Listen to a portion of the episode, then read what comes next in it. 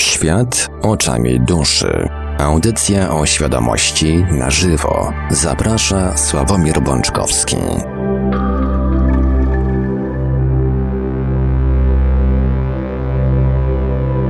Witajcie bardzo gorąco i serdecznie na antenie Radia Paranormalium, właśnie tutaj, właśnie teraz, prosto do Twoich uszu i do Twojej świadomości, drogi słuchaczu, droga słuchaczko.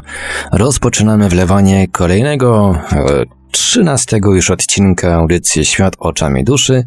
Miejmy nadzieję, że dzisiejsza trzynastka będzie nie pechowa, tylko taka, taka bardziej taka szczęśliwa. I jest to pierwsza audycja, pierwszy odcinek audycji w roku pańskim 2019. Przy mikrofonie, jak zawsze, e, za starami audycji Marek Sękiewelios, a po drugiej stronie połączenia internetowego jest z nami, jak zawsze, gospodarz audycji, pan Sławek Bączkowski. Dobry wieczór, panie Sławku. Dobry wieczór, panie Marku. Witam was, kochani, serdecznie. Tradycyjnie, e, zanim e, przekażę głos panu Sławkowi, podam kontakty do Radia Paranormalium. Audycja realizowana jest oczywiście jak zawsze na żywo. Będzie można dzwonić. Dobra wiadomość jest taka, że udało mi się wreszcie naprawić połączenie ze smartfonem, także słuchacze korzystający na co dzień z telefonów komórkowych będą mogli również do nas dzwonić e, bez ponoszenia tak zwanych kosztów dodatkowych, ale tradycyjnie podam najpierw numer stacjonarny 32 746 0008 32 746 0008. Oczywiście linię telefoniczną będziemy włączać koło godziny 21.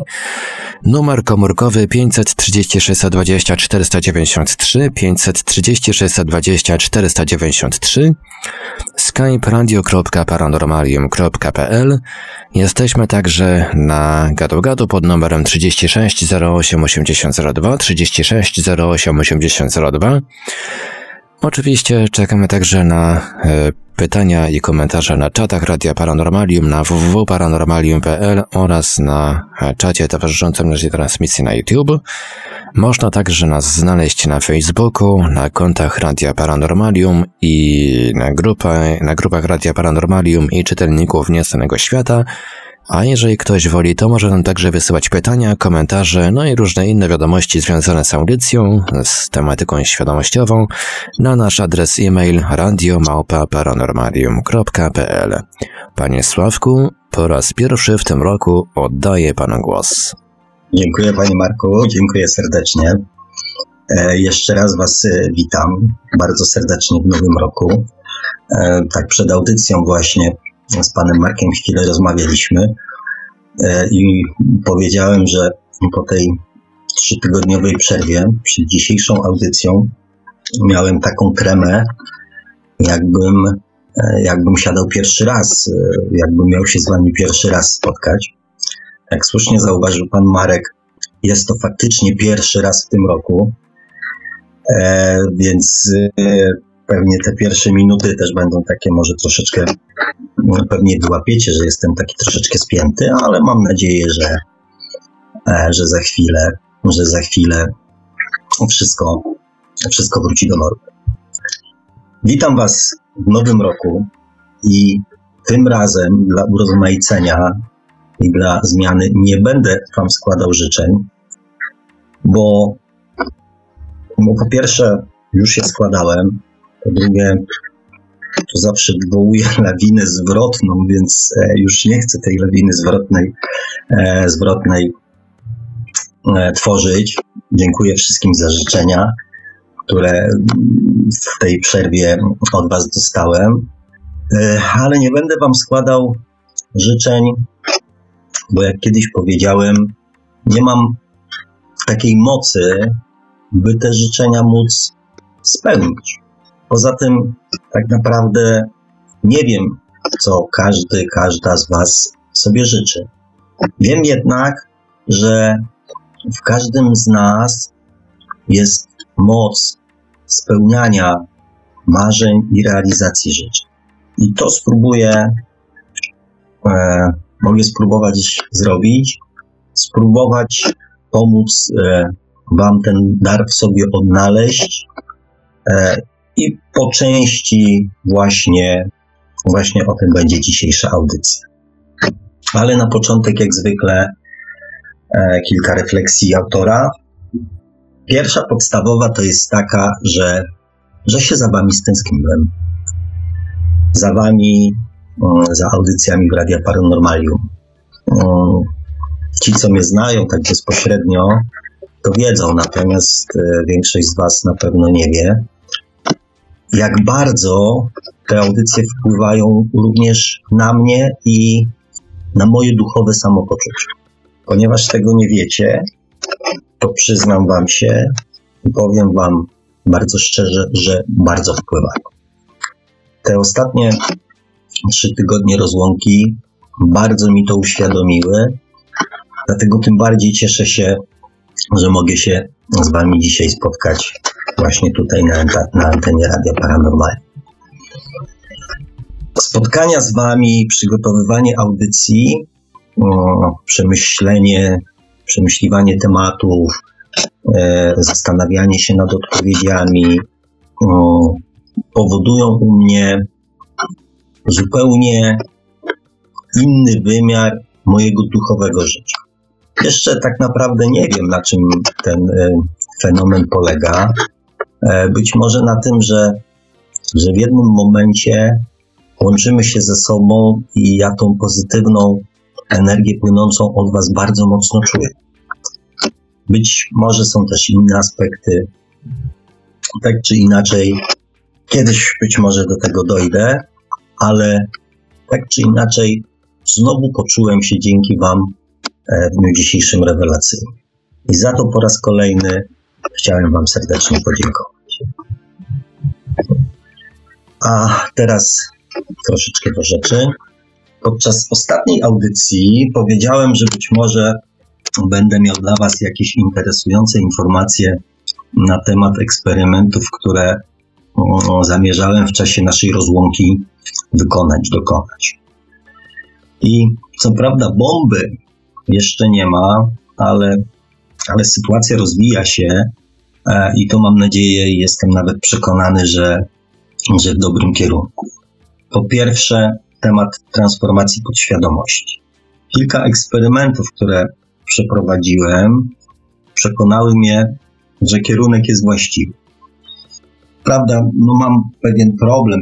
Problemem pozostaje kwestia wyboru właściwego oprogramowania, doboru muzyki, stworzenia podkładu z lektorem prowadzącym. I to jest taki temat, nad którym będę, mm, będę teraz mm, pracował. A ponieważ do wykorzystania mam tylko to, co już istnieje, więc jestem trochę ograniczony, ale, ale wszystko idzie w dobrym kierunku.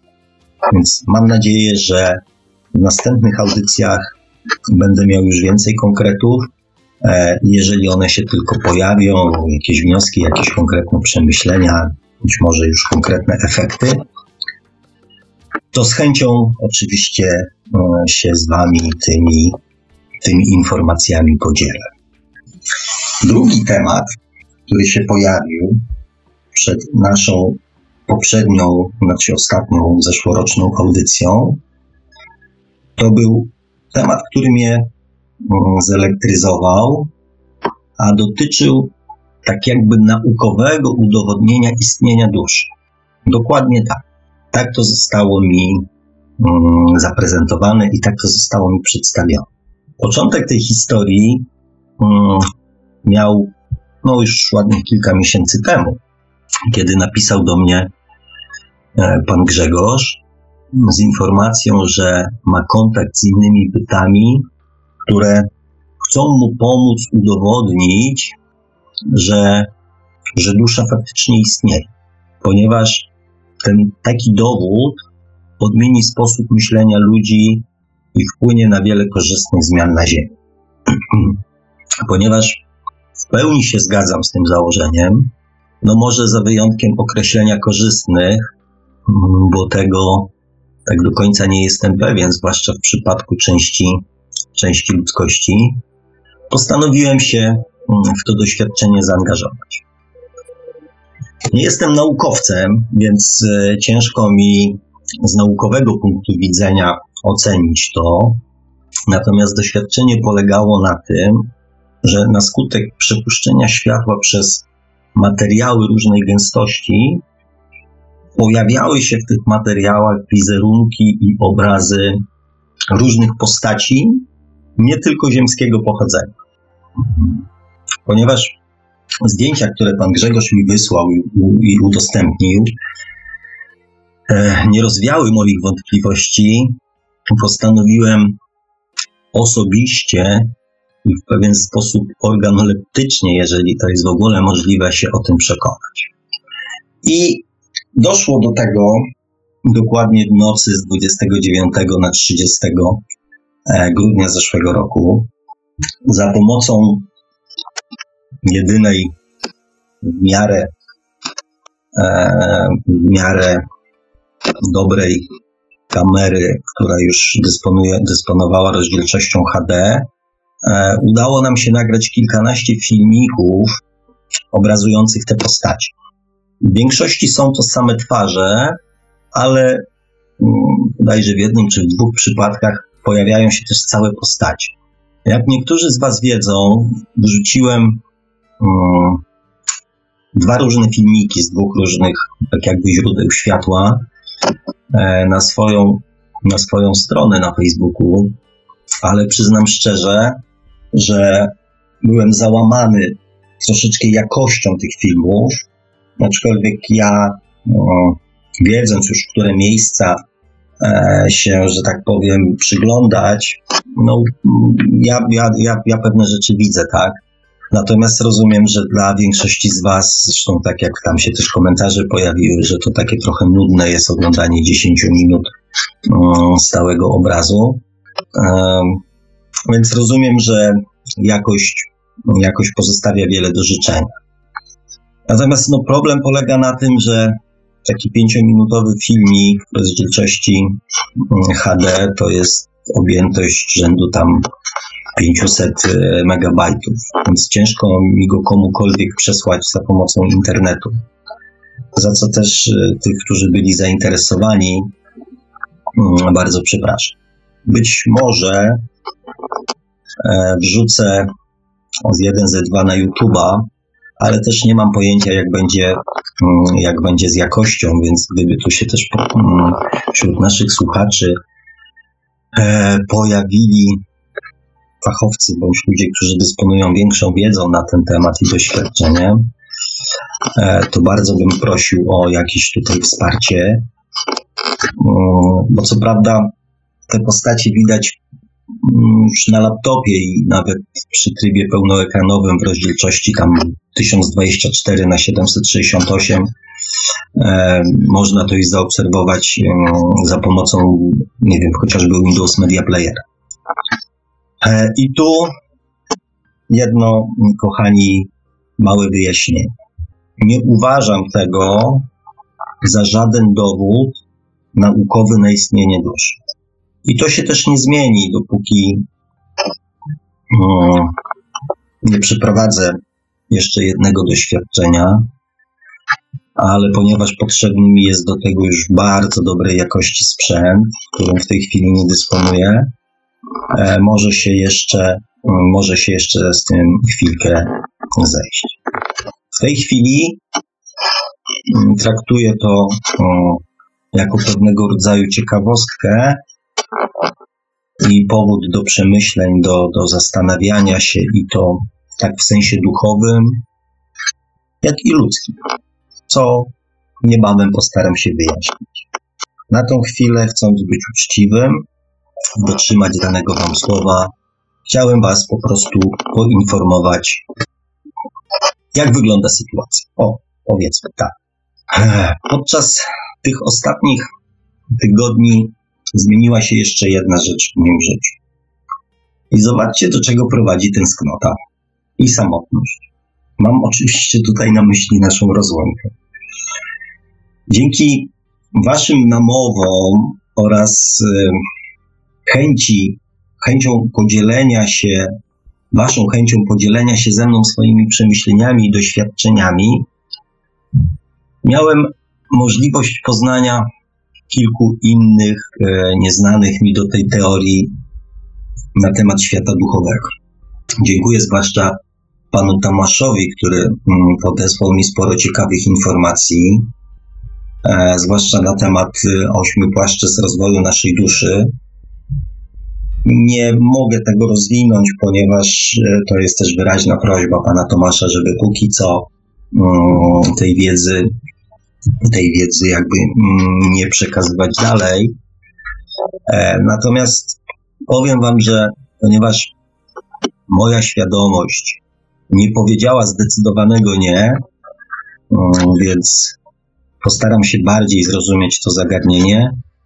Chociaż o czym wie pan Tomasz, wy jeszcze nie wiecie o czym mówię, e, ale nie będzie to proste zadanie. Natomiast e, obiecuję, że tak łatwo się, no, tak łatwo się nie podda. Tych informacji, które do mnie ostatnio napłynęły, jest, jest e, dużo więcej, ale z kilku powodów nie będę, nie będę o nich opowiadał. Pierwszy to taki, że najprawdopodobniej większość z Was e, je zna i ma na ich e, zdanie, mm, na ich temat wyrobione zdanie. Po drugie, jak wielokroć mm, powtarzałem, nie czuję się autorytetem, e, żeby chociażby ustosunkowywać się do przemyśleń i doświadczeń innych ludzi. Zwłaszcza, że też większości z nich nie znam osobiście i są to często tylko jakieś wycinki, wyrywki ich, ich teorii, ich, ich opinii, ich zdania, ich doświadczeń. Po trzecie, po co mam to robić? Po co tak naprawdę w ogóle ktoś ma to robić? Padł ten argument, ale przyznam Wam się, że może on się okazać najsłabszy, zwłaszcza w obliczu mm, zwłaszcza w obliczu moich ostatnich osobistych doświadczeń duchowych. Ale mam nadzieję, że o tym, o tym będzie jeszcze um, okazja porozmawiać. Na dzisiaj wiem jedno. Te ostatnie doświadczenia doprowadziły mnie do jednego pytania. Jaki jest cel rozwoju duchowego? Jaki jest cel rozwoju naszej świadomości? A przede wszystkim, jak jakie intencje nami kierują, kiedy wchodzimy właśnie na tą drogę rozwoju duchowego. I tutaj może też będzie tak troszeczkę górnolotnie, ale kiedy się nad tym zastanawiam, e, oczywiście nie mogę nie pomyśleć o tych najwybitniejszych bądź najbardziej znanych nauczycielach, prorokach, mistrzach, E, jacy w historii ludzkości na Ziemi się pojawili i pojawiają się, i pojawiają się nadal. I tak sobie myślę, że kto jak kto, ale ci najbardziej znani Chrystus, Mahomet, Buddha, o tym, co się dzieje z naszą duszą po naszej śmierci i kim jest Bóg, wiedzieli bardzo dużo. Ja przy nich czuję się jak amator, a mimo swojej olbrzymiej wiedzy nie opowiadali o tym, koncentrując się bardziej na sprawach zwykłych, takich, takich ziemskich, takich codziennych. Jednym zdaniem uczyli, jak tutaj na Ziemi czynić nas lepszymi ludźmi. I obserwując to, co obecnie dzieje się, e, zaczynam zastanawiać się, czy aby na pewno chęć zrozumienia Boga, Jego pomysłu i planu wobec nas, zrozumienie mechanizmów, jakie, jakie wymyślił, są właściwym kierunkiem, w którym, w którym powinniśmy zmierzać. Czy przypadkiem nie zagubiliśmy tego właściwego celu i sensu rozwoju naszej świadomości. Czytając, słuchając, oglądając wypowiedzi, a czasami wręcz nauki niektórych uduchowionych i mocno oświeconych osób, zaczynam obserwować to, że ich wiedza w żaden korzystny dla nich sposób nie zmienia ich życia i postępowania w sprawach zwykłych i codziennych. I tu się nasuwa taka myśl, czy to nie chodzi o to, aby gonić królicza. Czy sama wiedza nie jest celem samym w sobie. Kolejnym aspektem, i też chyba nie o to chodzi w rozwoju duchowym, jest to, co z tą wiedzą część ludzi robi, jak ją wykorzystuje, do jakich celów. Podczas wielu rozmów z Grzegorzem słyszałem, z jakimi propozycjami on się spotykał, a wręcz podlegał naciskom i groźbom, aby wykorzystać jego do, doświadczenia wprost do oszukiwania i wykorzystania ludzi, do manipulowania nimi w celu osiągnięcia wymiernych korzyści finansowych. Zresztą, jak na pewno sami wiecie, wiele osób właśnie do tego wykorzystuje swoją wiedzę duchową i doświadczenia.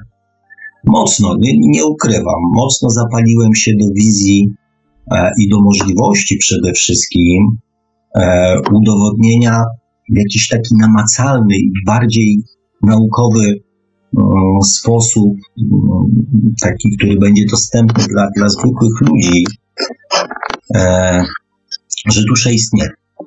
I przez moment sam uważałem, że to jest właściwy kierunek, ale przyznam Wam, że zaczynam mieć coraz więcej wątpliwości, czy to jest aby na pewno właściwy czas. Czy ludzie będą w stanie właściwie i mądrze taką wiedzę wykorzystać? Czy więcej będzie z tego pożytku, czy szkody dla nas samych? I przyznam Wam się szczerze, że nie dostałem jeszcze jasnej i pewnej odpowiedzi, e, dlatego podjąłem decyzję, że do momentu, kiedy nie będę tego pewien, skoncentruję się nie na poszukiwaniach i rozkminianiu Boga, ale na tym, jak tę wiedzę, którą do tej pory posiadłem, po, po, posiadam, zdobyłem, wykorzystać do tego, aby ludziom na ziemi żyło się lepiej, aby rozwój duchowy przekładał się na nasze lepsze codzienne ziemskie życie, aby rozwój duchowy nie był kolejną hipokryzją, e, chociażby religijną, a stał się źródłem i podłożem do bycia po prostu lepszym człowiekiem. Dla siebie samego i też dla innych ludzi. I to jest e, jedno z moich noworocznych postanowień. Tym się, tym, postan- tym postanowieniem e, dzielę się z Wami w sposób taki oficjalny. No i więc ciężko się będzie z tego wycofać. Dlatego też w dzisiejszym odcinku chciałbym razem z Wami zastanowić się, dlaczego mimo olbrzymiej wiedzy i niejednokrotnie olbrzymiego doświadczenia, takiego duchowego, gro ludzi ma olbrzymi problem z przełożeniem tego na codzienne życie.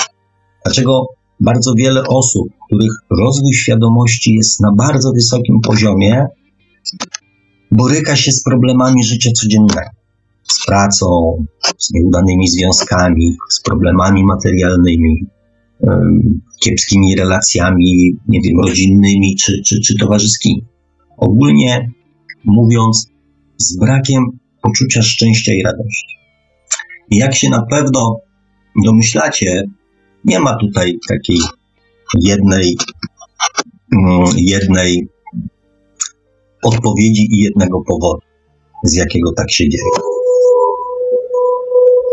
Bo co człowiek to jest inna historia, to jest inna sytuacja, ale na szczęście jest kilka wspólnych przyczyn, mm, o których sobie dzisiaj porozmawiamy. Niektóre już znacie, y, zwłaszcza ci, którzy, którzy mm, słuchają moich audycji naszych audycji mm, od początku. Ale przypomnę, że takim pierwszym i chyba najwa- najważniejszym hamulcem e, jest nasza podświadomość.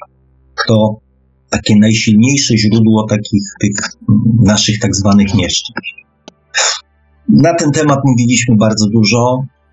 Co prawda, ja i tak mam e, zawsze niedosyt e, i wiem, że, że temat jest w dalszym ciągu niewyczerpany i, i z pewnością z pewnością byśmy przegadali jeszcze wiele godzin i też go, i też go nie, nie rozwiążemy i, i nie, nie, nie, nie, nie, nie zakończymy.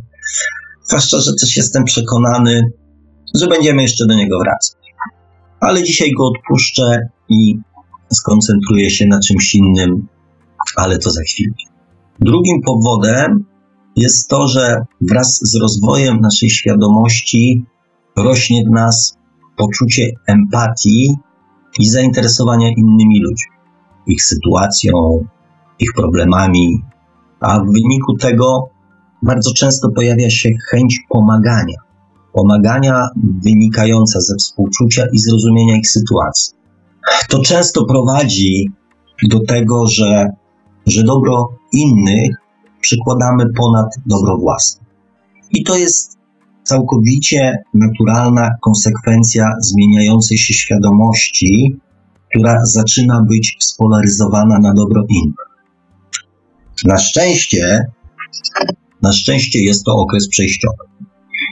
Mówię na szczęście, e, bo pewnie, pewnie większość e, z Was, którzy takie sytuacje którzy takie sytuacje w swoim życiu przechodzą bądź przechodzili, na pewno nie jest z tego powodu e, szczęśliwa. I nie jest szczęśliwa, ponieważ ten etap dojrzałej świadomości e, jest, bywa, bywa dla nas mm, z ziemskiego punktu widzenia bardzo bolesny. Często powoduje to, że świadomie stawiamy się w roli osoby, osoby na, na tak zwanej przygranej pozycji. Czasami e, rzekłbym nawet, że ofiary. I z punktu widzenia rozwoju jest to oczywiście korzystne, ale wiem, że z ludzkiego punktu widzenia jest to, tak jak mówiłem, męczące, a, a, a czasami doświadczenia, które sobie fundujemy, wręcz wręcz nawet bolesny. Z czego takie podejście wynika? Tak jak mówiłem, przede wszystkim z tego, że zmieniają się proporcje miłości do samego siebie, a do innych. A dokładnie miłość do samego siebie jest zastępowana miłością do innych. I w sumie założenie jest naprawdę bardzo fajne. Fajne, słuszne, i tak naprawdę powinno być dla nas, mm, to powinno być dla nas bardzo miłe doświadczenie, bo jak na pewno też się przekonaliście, dawanie miłości, dawanie radości, dawanie, powodowanie innych um, uczucia i poczucia szczęścia jest takim po pierwsze jest dużo przyjemniejszy niż dostawanie, a poza tym dostarcza dużo więcej takiej frajdy, takiej, e, takiej energii. Dłużej, że tak powiem, utrzymuje nas w bardzo mm, dobrym nastroju i też dłużej pamiętamy takie wydarzenia niż dostawanie miłości od innych. I to z bardzo wielu powodów. Chociażby z tego powodu, o którym no, kiedy rozmawiam, zwłaszcza z kobietami, które, które mówią, że a ja nie dostąpiłam miłości, a ja nie, nie, nie doznałam miłości, a ja nigdy nie spotkałam kogoś, kto mnie, kto dał mi miłość, to zawsze staram się wytłumaczyć, że z taką na przykład miłością, którą dostajemy od innych, zawsze jest związany strach. Strach, że jeżeli uzależniamy się od tego, czy dostaniemy miłość od kogoś, czy nie, strach, że możemy to stracić. Dawanie miłości, dawanie radości tego strachu zupełnie nie powoduje. Nie wywołuje tego strachu. Chociażby z tego powodu, że, e, że zawsze znajdziemy tych, którzy którzy tej miłości i tej radości z chęcią od nas troszeczkę uszczą. Zawsze znajdziemy ludzi, którzy, których tą miłością i tą radością będziemy, e, będziemy mogli obdarzyć, którym będziemy mogli to tak jakby w pewnym sensie ofiarować, za, zaoferować, tak? Bo póki co tych mm, ludzi, którzy chcą dawać miłość, jest, e, jest jeszcze zdecydowanie Jaką moc energetyczną ma dawanie miłości, nie muszę chyba Was przekonywać. Bo jestem przekonany, e, że każdy z Was miał taką przynajmniej jedną historię w życiu, e, kiedy z miłości, z chęci uszczęśliwienia drugiej osoby zrobił coś, co jeszcze jak dzisiaj o tym myśli, e, maciary na plecach i banana na twarz. O jakie sytuacje mi chodzi? Hmm. Najprościej będzie mi to opowiedzieć na, e, na swoim przykładzie i przykładzie mojej, mojej najstarszej córki, a dokładnie jej, jej 18 urodzin. E, moja córka, znaczy obie córki, obchodzą urodziny w sierpniu. Tak jak e, niektórzy słuchacze pamiętają, to nawet tego samego dnia sierpnia, chociaż nie są bliźniaczkami. Więc ten czas ten czas osiemnastki mojej córki przypadł akurat na czas pielgrzymki, na której ona była. Ponieważ jak wiecie, osiemnastka to jest bardzo duże wydarzenie, więc e, nie chcieliśmy, nie chcieliśmy czekać ze świętowaniem. Zresztą w tym dniu złożenie osobiście życzeń, e, moim zdaniem, dziecku należy do jednych z podstawowych obowiązków rodziców. Więc ja jako ten rodzic postanowiłem się z tego obowiązku wywiązać. Powiem wam tak, zmontowaliśmy tort, ponieważ to pielgrzymka, więc szampana piccolo. Jakieś tam przysmaki, bo wiadomo, że tam te ludzie raczej, e, raczej po McDonaldach i po restauracjach na pielgrzymkach nie chodzą. Ja jeszcze w nocy wydziergałem taki baner z białego prześcieradła szprejem. Napisałem tam coś, już nie pamiętam, coś w rodzaju e, witamy szanowną osiemnastolatkę, czy coś tam w tym stylu. No i tak zaopatrzeni, mm, zmontowaliśmy tam taką rodzinną ekipę, no i tak zaopatrzeni e, postanowiliśmy zaskoczyć, e, zaskoczyć moją córkę. Ponieważ śledziłem i monitorowałem sprawę, więc wiedziałem, gdzie, w którym miejscu będzie postój.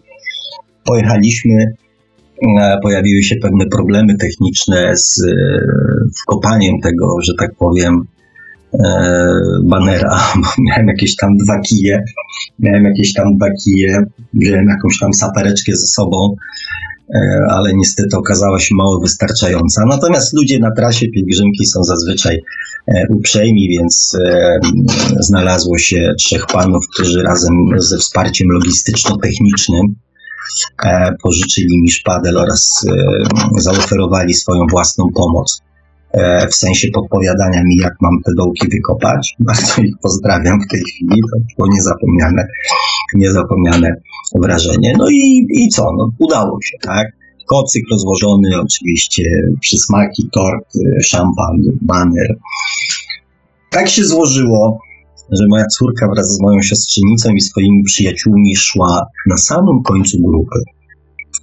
Więc e, kilkaset osób, które przechodziło koło nas, widziało ten baner i wiedziało, że szykuje się impreza. Więc zanim, zanim moja córka do nas doszła, już chyba wiedziała, że, że coś szykuje. Natomiast w momencie, kiedy już do nas doszła, koło stało kilkaset osób, które mm, zaraz po nas zaczęło jej składać życzenia, zaczęło mm, śpiewać jej 100 lat. E, jej mina w tym momencie, zmęczona oczywiście i mocno zaskoczona, natomiast jej mina w tym momencie mm, była, była po prostu bezcenna. No i też e, serce ojca rozradowane, niespodzianką, szczęściem e, dziecka, które zupełnie nie spodziewało się, że, że zostanie zaskoczona, zaskoczona taką, taką sytuacją, że jest dla kogoś na tyle ważna, żeby, żeby rzucić jakieś tam obowiązki, przejechać kilkaset kilometrów i, e, i złożyć jej osobiście życzenie. E, dla mnie w dalszym ciągu, zresztą dla nas e, wspólnie, dla osób uczestniczących e, w tym wydarzeniu, mimo że już upłynęło, e, no już w tej chwili, no nie, jeszcze kilka lat, jeszcze nie kilkanaście, ale, ale już ładnych kilka lat. W dalszym ciągu jest to powód do olbrzymiej radości, do takich fajnych, wzruszających wspomnień, do, do kolejnego przeżywania E, tej miłej sytuacji i to jest mm, też sytuacja, która mi zawsze e, wspomnienie jej daje taki zastrzyk fajnej, pozytywnej energii. Bardzo lubię tą historię. Powiem Wam, e, czekam na Wasze historie, bo jestem przekonany, że w swoim życiu robiliście wiele pięknych, e, takich od czapy zupełnie gdzieś tam akcji, historii, które, które na trwałe zapisały się w waszych sercach. Dzielcie się, bo piszcie o nich, bo właśnie takimi, takimi historiami i takimi informacjami powinniśmy się, się ze sobą dzielić. Także czekam, czekam z utęsknieniem, czekam. E, może zrobimy jakiś może jakąś nagrodę ufundujemy. Nie, sorry, wycofuję się z nagrody. Zapowiadają odwilż, więc e, lodówka na razie nie wchodzi w grę. E, także, mimo że już opustoszona po świętach, ale, ale jednak e, może się jeszcze przydać. tak na marginesie mam nadzieję, że, że nasz, nasi słuchacze, którzy, którzy temat lodówki poruszyli, są dzisiaj z nami. Ale na historię. Wracając do tematu. Jak powiedziałem, w założeniu jest to bardzo przyjemny okres i w niektórych sytuacjach, jak tę, którą tam przed chwileczką Wam opowiedziałem, e, jest tego potwierdzenie. Niestety, niestety, jeszcze póki co niestety takie sytuacje należą do mniejszości, e, a ta chęć bezinteresownego dawania jest najczęściej wykorzystywana niestety przez innych. Czemu? Ponieważ nasza podświadomość, tak jak już ustaliliśmy, jest ślepa. I do momentu, dopóki naszym emocjom będzie towarzyszyć potrzeba dawania innym, zawsze ona nam podsunie kogoś, komu będziemy mogli coś dać. Tu pewnie się pojawi no, pytanie, taki aspekt odnośnie sprawiedliwości, bo, bo w takich sytuacjach, kiedy dajemy innym, by na koniec na przykład zostać sami z jakimś tam problemem, bądź sami, w sensie sami, e, budzi w nas e, najczęściej takie właśnie odczucia, czy sprawiedliwość istnieje na ziemi. I w momencie, kiedy pojawia się to pytanie w takich sytuacjach, jest to najwłaściwszy moment, żeby przyjrzeć się dokładnie własnym intencjom. I właśnie o tych intencjach chciałbym tak troszeczkę dzisiaj z Wami, z wami porozmawiać. Oczywiście, jak zwykle mam w zwyczaju, podzielę się z Wami wiedzą, mm, wiedzą e, z Wikipedii, czyli określeniem, czym jest intencja. Dla ciekawych intencja pochodzi z łaciny od intentio. Jest to według Wikipedii świadomy proces umysłowy polegający na aktywnym stosunku umysłu wobec jakiegoś problemu bądź sytuacji, w wyniku czego pragnienia przekształcają się w potencjalny plan działania. Świadome zamierzenie, zamiar, zamysł, cel, motyw działania myśl przewodnia, chęć, pragnienie. W skrócie, tak o tym, e, tak na ten temat wypowiada się Wikipedia. Jak się domyślacie, na pewno nasze intencje też się zmieniają wraz z rozwojem świadomości. I tak jak na początku są skoncentrowane na przetrwaniu, później w tym dziecinnym mm, okresie naszego rozwoju na tym, by jak najwygodniej przeżyć e, kolejne życie, tak już na poziomie młodym zaczynają się zmieniać zapędy polegające na zmianie otaczającego nas świata, ale na taki, który, w którym nam byłoby lepiej. I ta sama chęć zmiany świata przyświeca nam również na poziomie dojrzałym, ale jest już bardziej skupiona na zmianie świata, by innym żyło się lepiej. Jest to bez wątpienia bardzo szlachetny okres naszego życia i też piękny etap rozwoju, bo na tym etapie rodzą się ludzie obdarzeni świadomością, która walczy o sprawiedliwość, o równouprawnienie, o prawa ludzi i innych istot do życia na Ziemi, do współżycia na tej Ziemi, szacunku, mm, szacunku do życia, do natury, do wszystkiego, co na tej Ziemi istnieje. Na bazie takich świadomości powstają fundacje, powstają też organizacje, które mają za zadanie pomagać innym. Ekolodzy, wolontariusze, e, ludzie, którzy nawołują do życia w zgodzie z prawami natury, artyści, którzy czasami w jakiś kontrowersyjny nieraz sposób zmuszają nas e, do przemyśleń e, i do jakichś emocji, budzą w nas jakieś emocje, zmuszają do zastanowienia. Na tej bazie powstają również nawiedzeni politycy, bądź e, prawnicy, którzy walczą o sprawiedliwość pokrzywdzonych. To są również dziennikarze, którzy nie zezwalają na krzywdzenie, którzy wyciągają różne brudy, różne e, nieuczciwości, afery, którzy poruszają trudne tematy i też całe mnóstwo, całe mnóstwo dobrych ludzi, którzy te działania wspierają. I to jest piękne. To jest szlachetne, tak jak powiedziałem. I też niezwykle ważne dla rozwoju świadomości całej, całej ludzkości. Te działania tworzą zupełnie nowe postawy społeczne, nowe wzorce do naśladowania, nowych, dają też nowe możliwości działania ludziom, którzy chcą pomagać innym, którym e, los innych nie jest obojętny. I to są postawy, i zachowania, które Majowie nazywają mądrością świata. Tylko wedle tych samych Majów istnieje coś takiego jak mądrość cienia, która też zapewnia rozwój i akurat w tej sytuacji to być może nawet przyjemniejszy z ziemskiego punktu widzenia e, i taki bardziej, no bardziej przyjazny.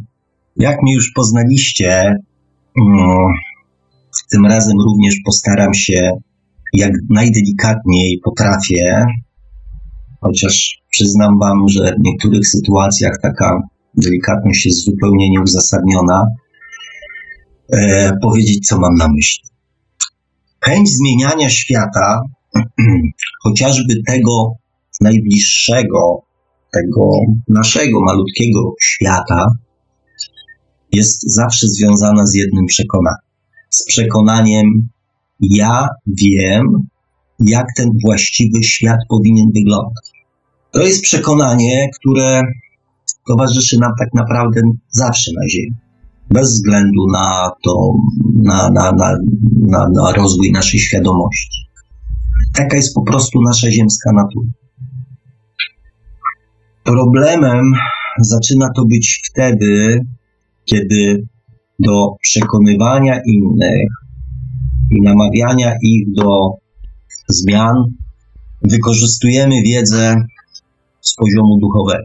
Kiedy wiedzę, którą posiadamy i doświadczenia, których staliśmy się uczestnikami, zaczynamy wykorzystywać w niewłaściwy sposób.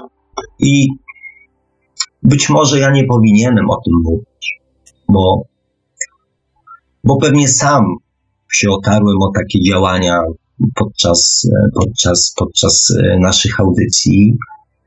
Jeżeli ktoś z Was tak to odebrał, to go bardzo w tym momencie przepraszam, bo nigdy nie miałem na celu nikogo przekonywać do swoich poglądów. I ostatnio też zdałem sobie sprawę, że bardzo łatwo e, jest tę granicę przekroczyć.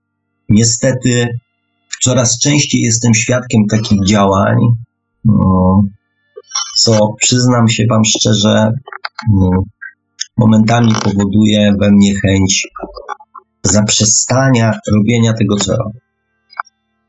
Intencje wielu uduchowionych i oświeconych e, ludzi budzą mój niepokój i te obawy, o których Wam mówiłem mm, na początku, czy przypadkiem nie zagubiliśmy sensu rozwoju i ewolucji, i czy świat duchowy nie został sprowadzony do trochę takiej, w sumie nawet zupełnie odwrotnej roli. Roli porównywania się, uważania za lepszych, szufladkowania za ludzi lepszych, gorszych, bardziej, mniej oświeconych, uduchowionych, do jakiegoś momentami marketingu e, i umiejętności sprzedaży swojej wiedzy, e, do manipulowania ludźmi czasami w celu, w celu osiągnięcia nie wiem, mniej lub bardziej intratnej posady, lub nawet, nie wiem, korzyści, które niekoniecznie, e, niekoniecznie mają wartość duchową.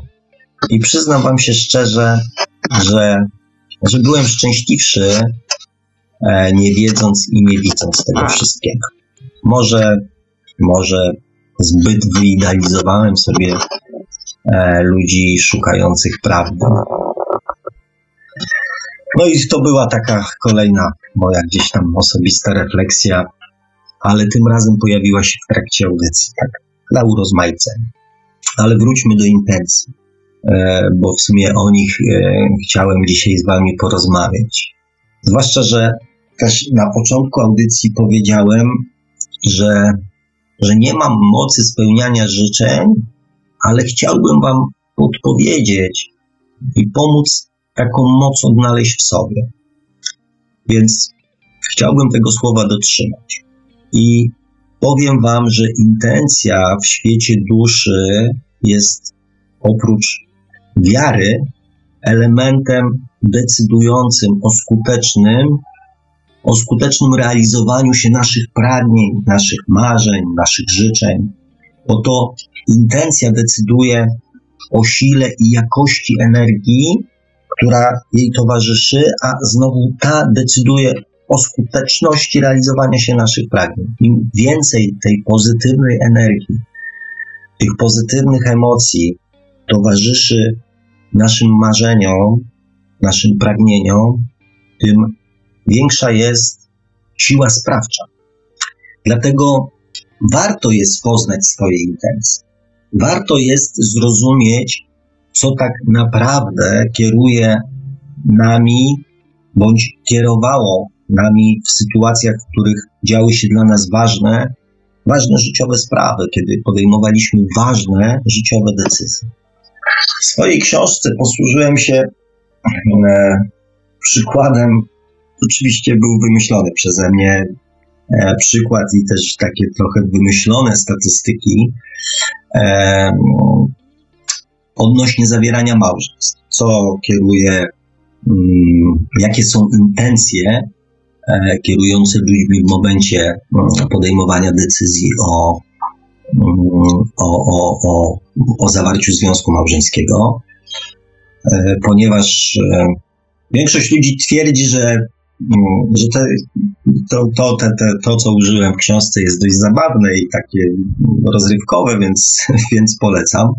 E, mało tego, kilka osób nawet mi to potwierdziło, więc, więc może nie do końca było tak, tak to wymyślone ale nie będę was, e, nie będę was e, dzisiaj tą, e, tą wiedzą, tą wiedzą uszczęśliwiał, ale postaram się jeszcze tak troszeczkę roztoczyć przed wami korzyści z odkrywania swoich własnych intencji.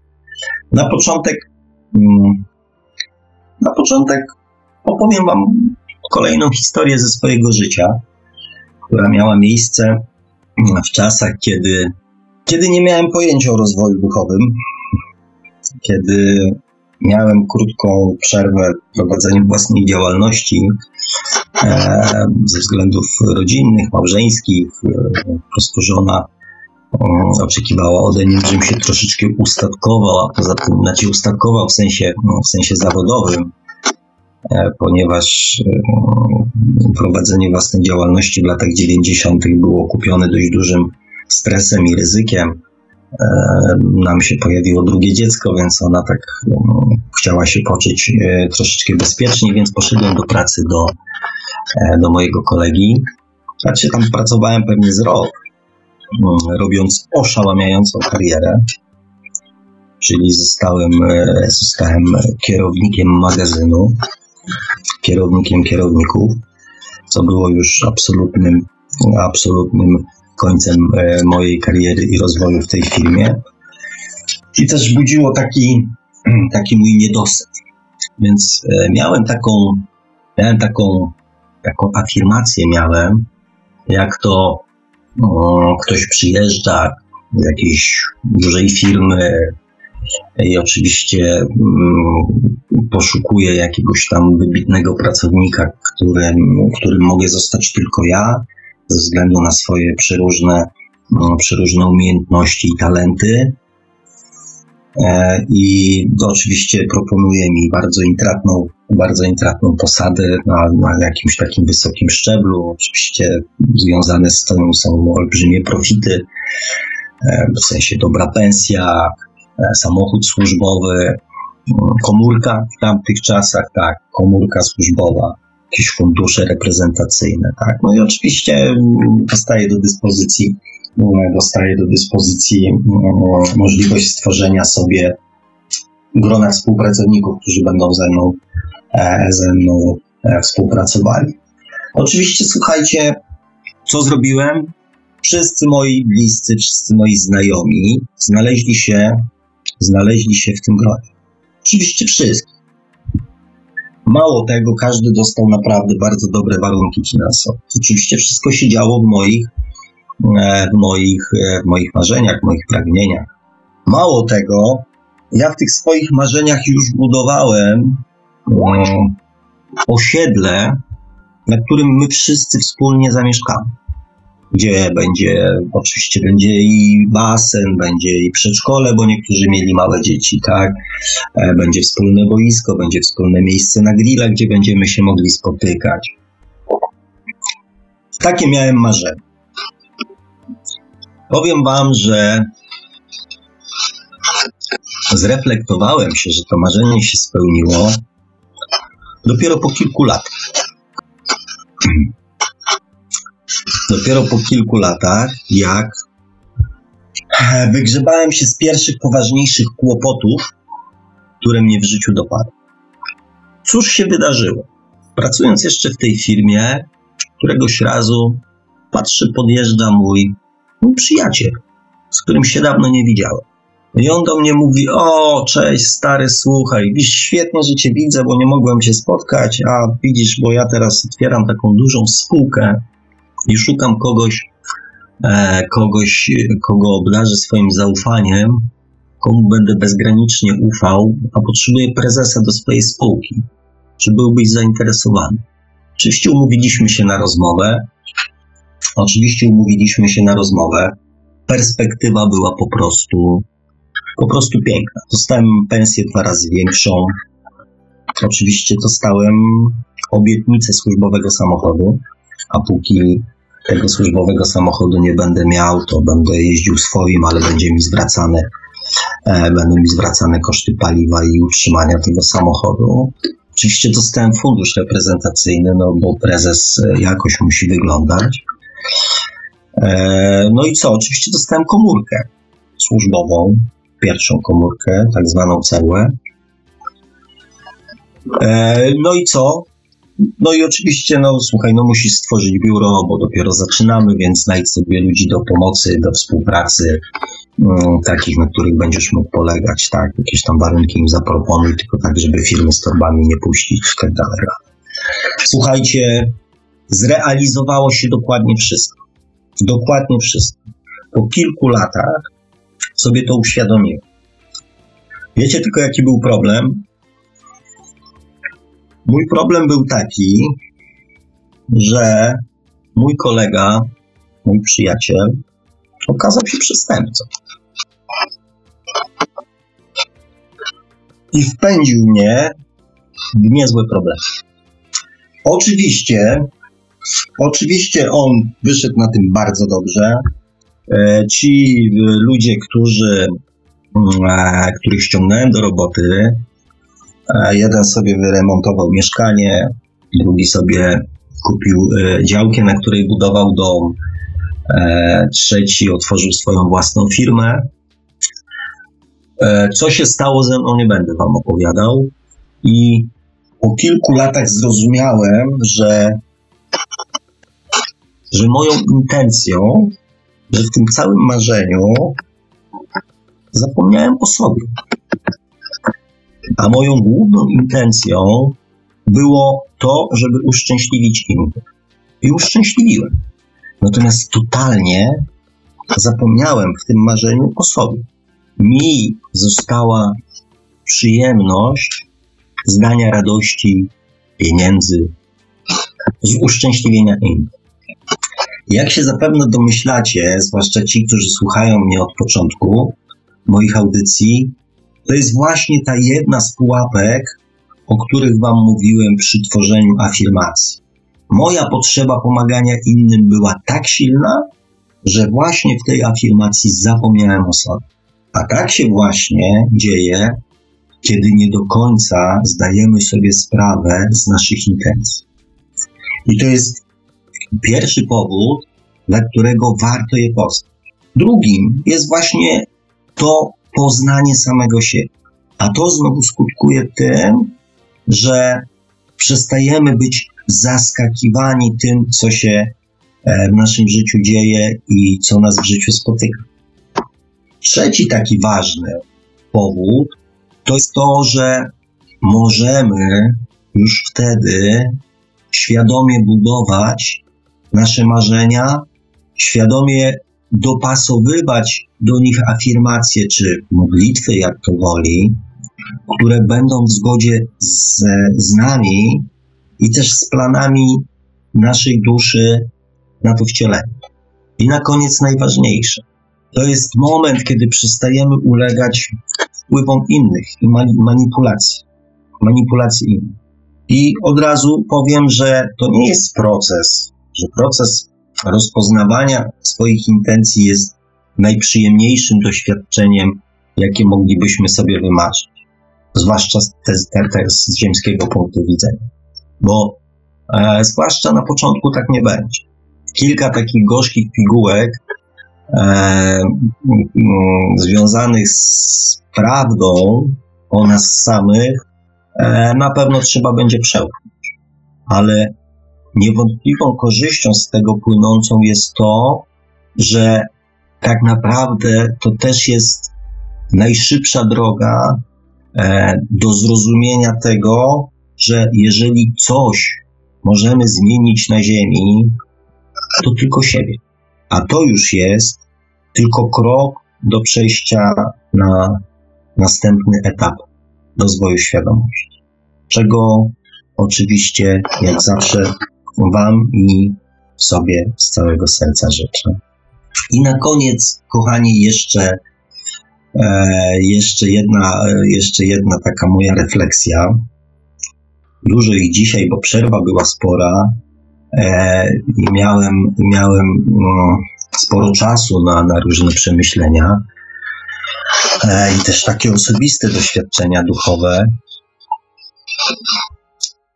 Posiadanie duszy bez względu na to, w jakim miejscu nauki jesteśmy, jest chyba jedyną cechą, która łączy wszystkich ludzi. Bez względu na, bez względu na wszystko. I wszelkie doświadczenia i wiedza płynąca z tego świata duchowego powinna być właśnie tym, ludzi ma połączyć, a nie podzielić. Znacie wiele teorii. Ja ostatnio też wiele teorii poznałem. ale też chyba wszyscy zdajemy sobie sprawę, że, że prawda jest jedna. Chociaż drogi dotarcia do niej przeróżne, ale niech odkrywanie tej prawdy daje nam radość i jeżeli to komuś potrzebne, to niech będzie to zaszczytem, a nie powodem do podziałów i wręcz czasami nietolerancji duchowej. Ja wiem, że odkrywanie tej prawdy ma służyć temu, abyśmy nauczyli się ją wcielać w nasze codzienne życie, a nie po to, by e, ta prawda stała się kolejną formą manipulacji i pozostała tylko na etapie teorii. I, I dopóki będzie zapotrzebowanie na taką formę duchowości, a ja taką rolę będę mógł pełnić, to będę się sprawami duchowymi zajmował. I to jest moje kolejne, e, moje kolejne noworoczne postanowienie. Dość dużo dzisiaj tych postanowień. Mam nadzieję, że jak się spotkamy w marcu czy w kwietniu, e, to tych postanowień będzie jeszcze tylko więcej, a nie będę się musiał tłumaczyć z tego, że tych nie dotrzymałem. E, ale mam nadzieję, że czegoś takiego, że czegoś takiego nie no i, i co? No i to tak chyba trochę smutno mi się dzisiaj jakoś zakończyło tą audycję. Nie wiem czemu to część wykładową nazwijmy to, część wykładową nazwijmy e, się zakończyła, bo tutaj jeszcze są komentarze od słuchaczy. Nie ukrywam, że miałem taką cichą nadzieję. Miałem taką cichą nadzieję, że nie jesteśmy, panie Marku, dzisiaj sami. Mogliśmy sobie porozmawiać inaczej. Cieszę się bardzo, że są tutaj z nami e, słuchacze. E, więc czy ja mam e, odpalać już Messengera? Czy może Jak najbardziej. czy może ktoś będzie chciał zadzwonić? Kilku słuchaczy mi się mocno deklarowało, że się w końcu, że się w końcu że się wydzwonią. Że się podzwoni, tak, że się w końcu dodzwoni. Ale widocznie ja dzisiaj zdominowałem swoimi postanowieniami noworocznymi audycję, więc. E... No ale jakby ktoś chciał właśnie teraz zadzwonić, to ma taką okazję. Właśnie teraz otwieramy naszą linię telefoniczną Gdyby ktoś chciał zadzwonić, to zachęcamy do dzwonienia. Numery telefonów do Radia Paranormalium to stacjonarne 32 746 0008, 32 746 0008, komórkowy 536 20 493, 536 20 493, skype radio.paranormalium.pl. Można także do nas pisać na gadu pod numerem 36 08 80 02, 36 08 8002. Jesteśmy także na czatach Radia Paranormalium na www.paranormalium.pl oraz na czacie towarzyszącym naszej transmisji na YouTube. Można także nas spotkać na Facebooku, na koncie Radia Paranormalium, no i na grupach Radia Paranormalium oraz czytelników Nieznanego Świata, a jeżeli ktoś woli, to może nam także wysyłać pytania, komentarze i różne inne wiadomości związane z audycją i z tematyką świadomościową na nasz adres e-mail radiomałpa-paranormalium.pl Nikt nie dzwoni? No na razie nie, nie widzę, żeby telefon dzwonił, ale no zachęcamy ja... do dzwonienia jak najbardziej. Tak jest, bo ja się stęskniłem. Ja się stęskniłem, naprawdę, kochani, ja się stęskniłem tutaj za wami bardzo mocno. E, na szczęście mm, odpaliłem mes Messengera, no i mm, no i muszę podziękować za ten wpis, bo mm, pierwszy wpis linki te audycje dodają skrzydeł. E, bardzo się cieszę, że ta audycja tak się, znaczy, że, że, że ta dyskusja tak się od takiego wpisu zaczyna. Inko, dziękuję Ci bardzo, bo mi też.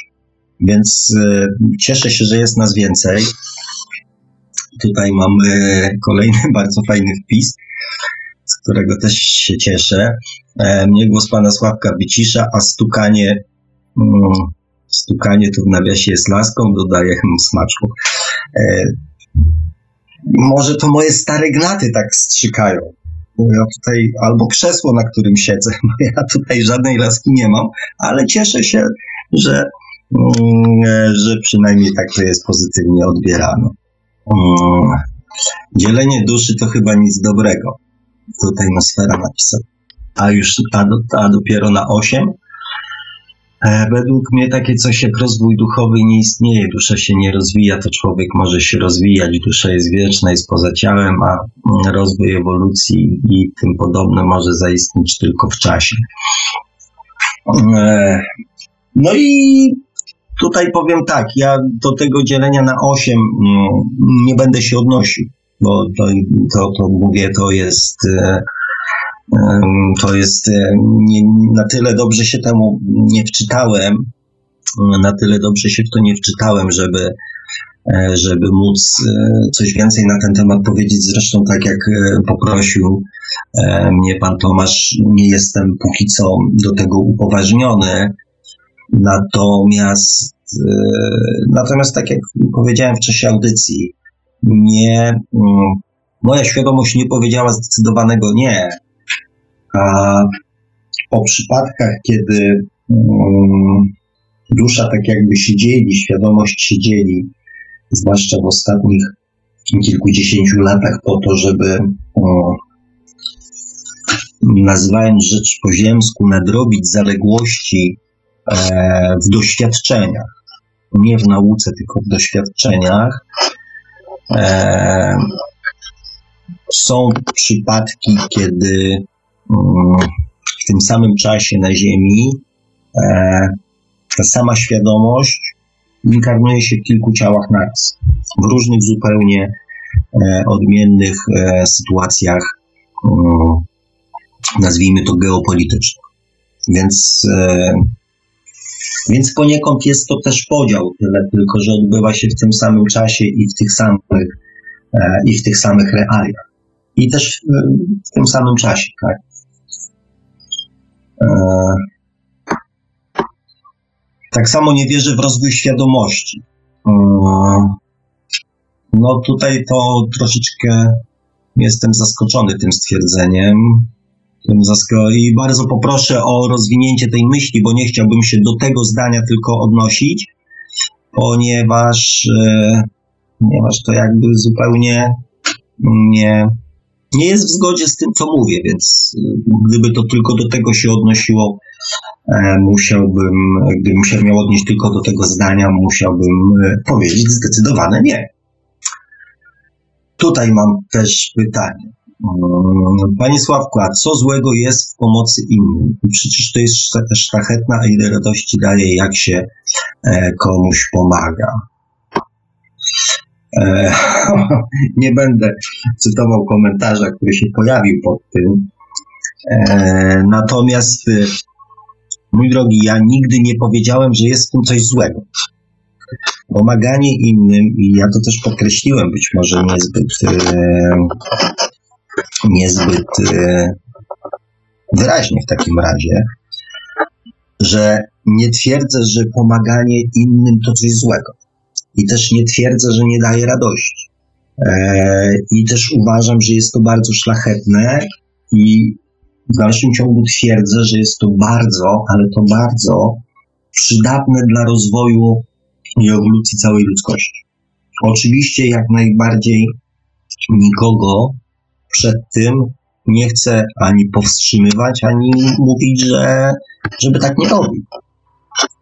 Bardziej mi chodzi o to, z jakiego powodu, czyli jakie intencje towarzyszą e, naszej chęci pomagania innym.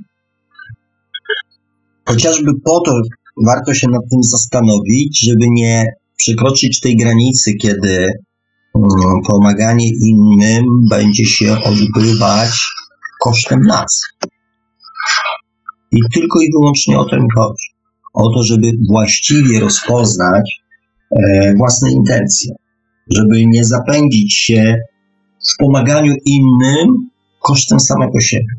Bo tak naprawdę to to co ja powtarzam, jeżeli coś na tym świecie możemy zmienić, to samego siebie. Jeżeli pomaganie innym zmienia nas samych i stajemy się w jakiś sposób ludźmi lepszymi, bardziej świadomymi, to jak najbardziej tak. Natomiast to nigdy nie może się odbywać kosztem nas. Nie może nigdy powodować tego, że my na tym będziemy cierpieć, bo wtedy to nie ma nic wspólnego z rozwojem, tylko w pewnym e, rodzaju utknięciu na jakimś tam, na jakimś tam etapie testowania swoich emocji. A to bardzo często jest takie zamknięte koło, z którego później ciężko się jest wyrwać. O, tu chyba mam odpowiedź, e, tu chyba mam odpowiedź na pytanie, które, e, które mnie notowało. To umysł się rozwija, nie świadomość. Jest jak obserwator, nie ocenia, nic nie robi, tylko patrzy, refleksję, zrozumienie i tak dalej powstają w umyśle, a nie w świadomości. O, no tak, no tak, ale to na skutek większego doświadczenia te refleksje są inne. Na skutek przeżytych, że tak powiem, doświadczeń. I ja taką świadomość mam na, e, na myśli, ponieważ nasz umysł jest e, przypisany do tego ciała. Nasz umysł nie sięga pamięcią do poprzednich wcieleń. Dusza tak. Natomiast to prawda, że my jesteśmy wynikową, nasze zachowania i nasze reakcje E, to, co my nazywamy, nie wiem, charakterem, osobowością, jest wynikową naszej duszy i naszej podświadomości, tak w najprostszym, e, w najprostszym skrócie. Natomiast czy umysł się rozwija? Mm, to jest takie pytanie, czy umysł tworzy myśli, czy nasz mózg tworzy myśli. E, I to jest, to jest takie dobre pytanie, nad którym się też i naukowcy zastanawiają, tak, czy nasz, um, czy nasz umysł produkuje myśli, czy jest tylko procesorem, który te bodźce, które do, które do nas docierają, e, po prostu w jakiś tam sposób obrabia. A z tym to się zgodzę, praktycznie cały New Age i garażowa ezoteryka to odwrotność duchowości biznes. A, tutaj przyszliśmy do następnego etapu, widzę, e, do następnego etapu audycji. To będzie krzesło, a raczej nie gnaty. No też mam taką nadzieję, że to jednak było krzesło um, trzeszczące, a nie moje, a nie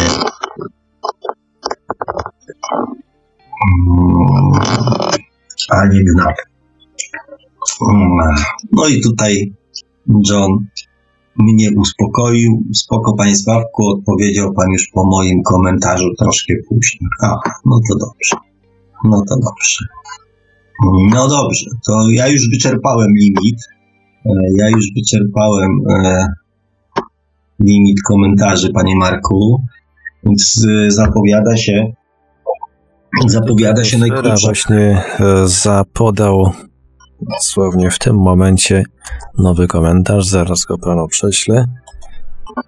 Oczywiście zachęcamy do dzwonienia. Telefon nie jest dla ozdoby w Radiu Paranormalium.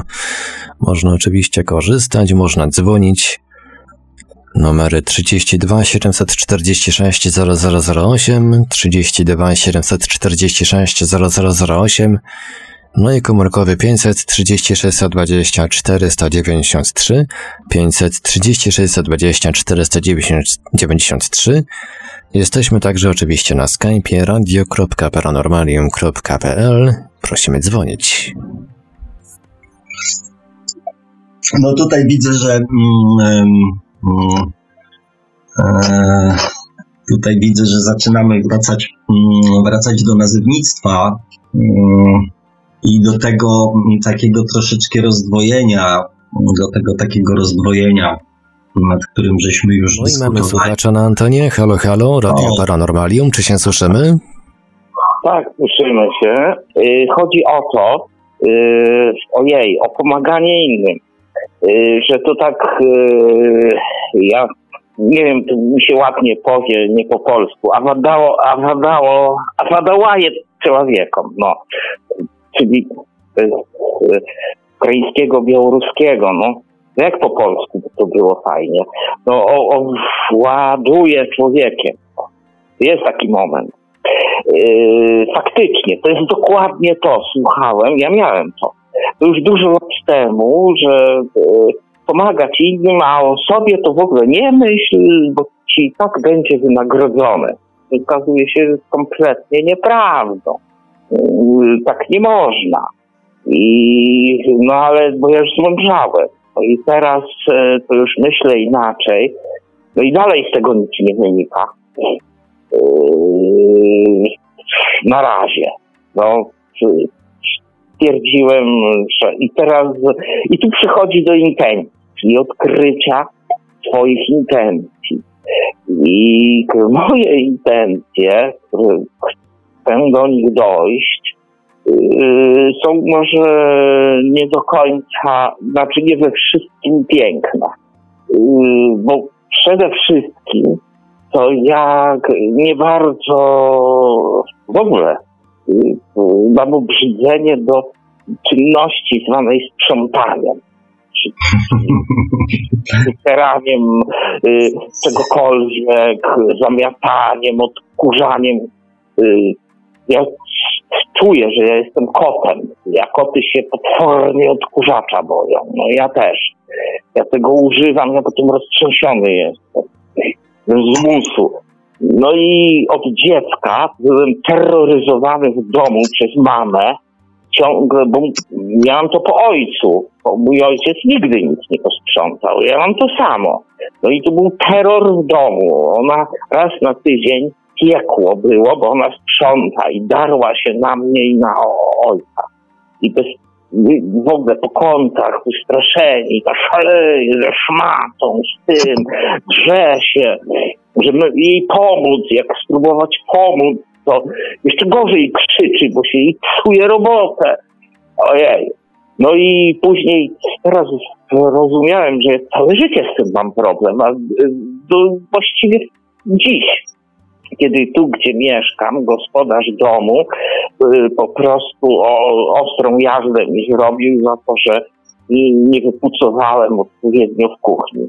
A wcześniej miałem narzeczoną, y, która y, była właśnie taka jak ja. I, i przez to mieliśmy kłopoty też, bo ona w ogóle nie sprzątała, a przeciwnie wszędzie śmieciła masakra. Po prostu ta kobieta Małgorzata niejaka, no to po prostu y, y, użyję nieładnego słowa, taka syfiara, że, że przeszła mnie już. Ja jednak się staram, bo są jakieś granice, a u niej żadnych. Y, no i jeszcze miałem do czynienia z tym bałaganem od dziecka, bo moi rodzice to praca, pieniądze i nie bardzo mieli czasu, ochoty, czasu, no ochotę to mieli, tylko czasu nie mieli się mu zajmować, wynajmowali sąsiadkę do tego. I ta sąsiadka to, no, według mnie to schizofreniczka paranoidalna, ta starsza pani Lwowa, no to u niej w mieszkaniu to było tak, że y, stół i na tym stole po prostu sterta maneli. W ogóle to jest trudno opisać, co tam się działo. I, i tylko ona nikogo nie wpuszczała, tylko mnie. Ja to widziałem. No potem, jak zmarła, to wszyscy musieli wejść. To to była masakra. No i y, oczywiście usłyszałem od mamy, y, bo ciebie, i teraz powiem, y, licho wychowało, tak o, ona miała taką ksywę, licho, taką kobieta. Yy, tak, a i to jest ta historia, nie będę mówił dlaczego, skąd to się wzięło, to jest nieważne. No i że to przez nią, no a ona przychodziła i ja całe dnie z nią spędzałem. A u, u, u, nas w domu to ona nie, to było porządnie. Ona gotowała obiady, pozmywała, no to taka służąca by była. Bo ja tam płaciła, no. Ojej, zaraz. Szewc bez butów chodzi. Y, To ja o tym powiedziałem, no i teraz z tymi intencjami chciałem. No bo ja mam y, tą intencję, że bym chciał mieć już dość z tym wszystkim, z tym sprzątaniem i, i, w ogóle. I, i, a y, ja no, tak kochać ludzi, chciałbym, ja sam siedzę już zupełnie, żeby ktoś mnie kochał. No są deklaracje, deklaracje, a mały miałbym tak, żeby się czymś y, twórczym zajmować fajnym. Y, chcę. To ja typu jakieś głupie kryminały to zaczynałem, zacząłem pisać. Nie mogę tego podokańczać, bo jakoś straciłem, wydałem kiedyś jedną powieść, taką dość mistyczną, yy, tramwaj na Wyspę Umarłych, ale yy, drugi tom. I nie mogę nad tym usiąść, bo takie jest ciągle doła dostaję. A po co, dla kogo to? No niby jest parę osób. Nie wiem. Na razie się gubię ciągle i, może się poodnajduję. I właściwie jak się najlepiej poodnajdywać. O, to ja bym miał pytanie. Już takie, O. bo właśnie mi to siadło. To y, dla innych, z miłości dla innych, to całkiem siadło. Ja bym w końcu chciał dostać jakieś pieniądze za, za, za, za mój wysiłek. Nic. To, to No to jest- tutaj chyba no, bardziej. e, To tutaj e, raczej, raczej to nie jest kwestia intencji. To nie jest raczej kwestia intencji, to znaczy wyraził Pan swoją intencję, że chciałby Pan mm, zająć się czymś twórczym, czymś fajnym.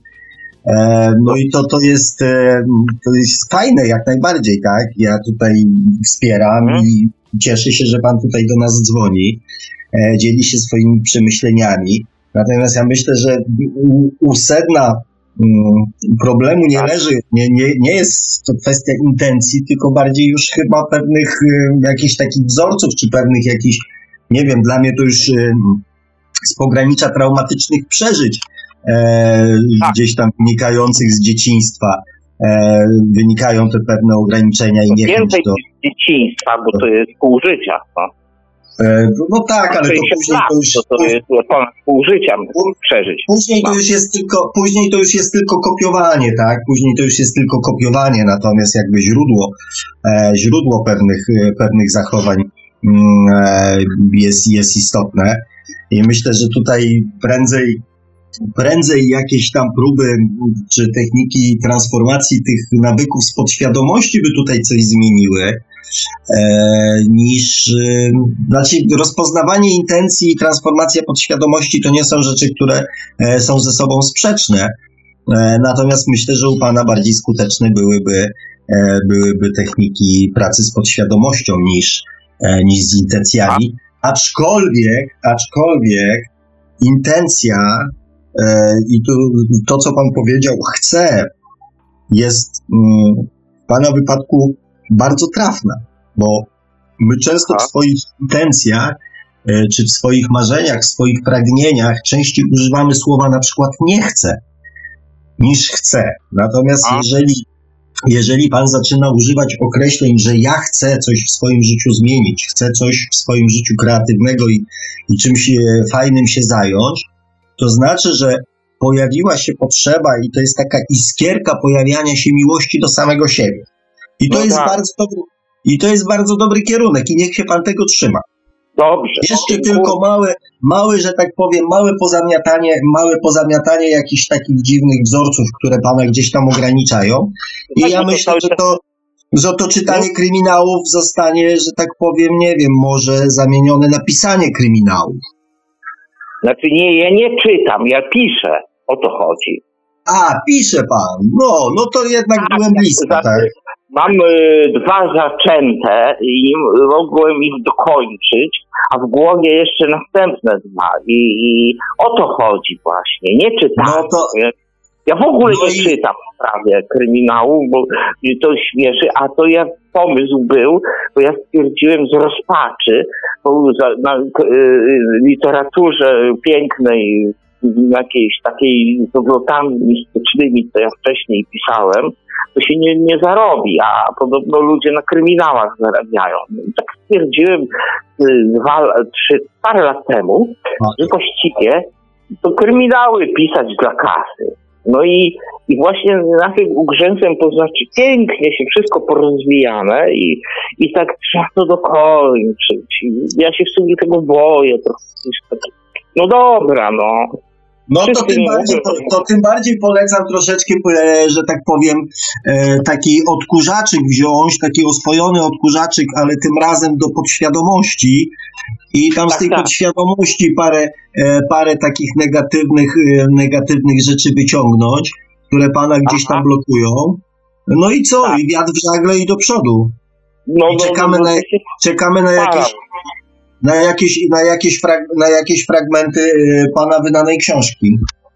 No to ja przyślę, to ja wyślę e, na Facebooku, bo my się jesteśmy znajomymi. I To ja- to nie jest problem to, dla to mnie. Ja, to ja poproszę, to ja poproszę. To ja powysyłam, wyślę też e, rozdział e, nawet tego w PDF-ie, tego tramwaju. Ale myślę, że zamiast do mnie, że zamiast do mnie, to raczej pan powinien zainteresować tym tematem e, może jakieś wydawnictwa. Niech to ktoś oceni. Tramwaj Ktoś, to ja wydałem. To, y, tramwaj to ja wydałem w ogóle sam. Znaczy, bo urząd miejski mi dał, taki był zbieg okoliczności. Jeden wiceprezydent to przeczytał, mu się spodobało i dali mi kasę na wydanie. Ja to wydałem. No i No no, bez żadnej promocji, tylko urząd dał pieniądze, sam musiałem to wydać samodzielnie y, pod, y, jako fik- jakieś takie ad hoc niby wydawnictwo, na chwilę zarejestrowane i y, później to sprzedać. Nigdzie od tego ode mnie nie chcieli. Y, y, Poza księgarniami w rodzaju Trojka w Poznaniu, księgarnia anarchistyczna, no to ci to wzięli ode mnie. no to proszę się nie poddawać. No Ja nie, książki ale te, a Ja pisałem książki to 15 są- lat, więc wie pan. Kryminały to muszą iść na 100 tysięcy egzemplarzy, to nie ma gadania, bo tam ten tysiąc miałem ciężko sprzedać. Może coś trzeba poprawić, może coś trzeba dorzucić, może trzeba poczytać gdzieś. E, są, że tak powiem, strony, gdzie ludzie tam się dzielą swoimi jakimiś radami. Może dać to komuś e, do przeczytania, ktoś, kto podpowie, co tu można by było zmienić. No to trzeba troszeczkę podrążyć ten temat. To, to, to nie jest tak, że to już się tam napisze, wie pan, to napisać Harry Pottera to, mm, to rzadko komu się udaje. Ale no moje to Także nie, no, troszeczkę, troszeczkę więcej zaangażowania w to. A wie pan, Poczekać, aż e, sukces sam przyjdzie. a może by pan podesłał swoje opowiadania do... Dobra, dzięki. Może by pan podesłał swoje opowiadania do e, bibliotekarium.pl, bo oni mają też audycję u nas związaną z opowiadaniami. Dobra. O to O, ciekawe. proszę bardzo. Cieka, ciekawy pomysł, bo ja mam takie wydawnictwo, tylko tam trzeba samemu zainwestować pieniądze, których za bardzo nie mam w wydanie książki. Yy, I to, no i oni niby promocję zrobią, że w Empiku będzie. Nie wiem, no muszę też to spróbować, ale fajnie. Ja bym podesłał, bo jestem nieudolny biznesowo, to, to wiadomo, to może ja bym faktycznie, faktycznie do bibliotekarium podesłać. No widzi No. pan, warto było zadzwonić. To prawda, No to dobrze, to dobrze. To dobrze, No. ja będę coś tam walczyć jeszcze, no. Trochę. widać, że intencje ma pan słuszne. No, chodzi, żeby sens jakiś to działało. Bo to za słabo działa, no na razie. Już mniejsza o te pie, no, pieniądze, żeby mieć za to trwać, no ale to one się wtedy znajdą, jak to zacznie dobrze działać. Czego oczywiście No. panu życzymy. No ja również nawzajem, żeby się rozwijało jakoś wszystko.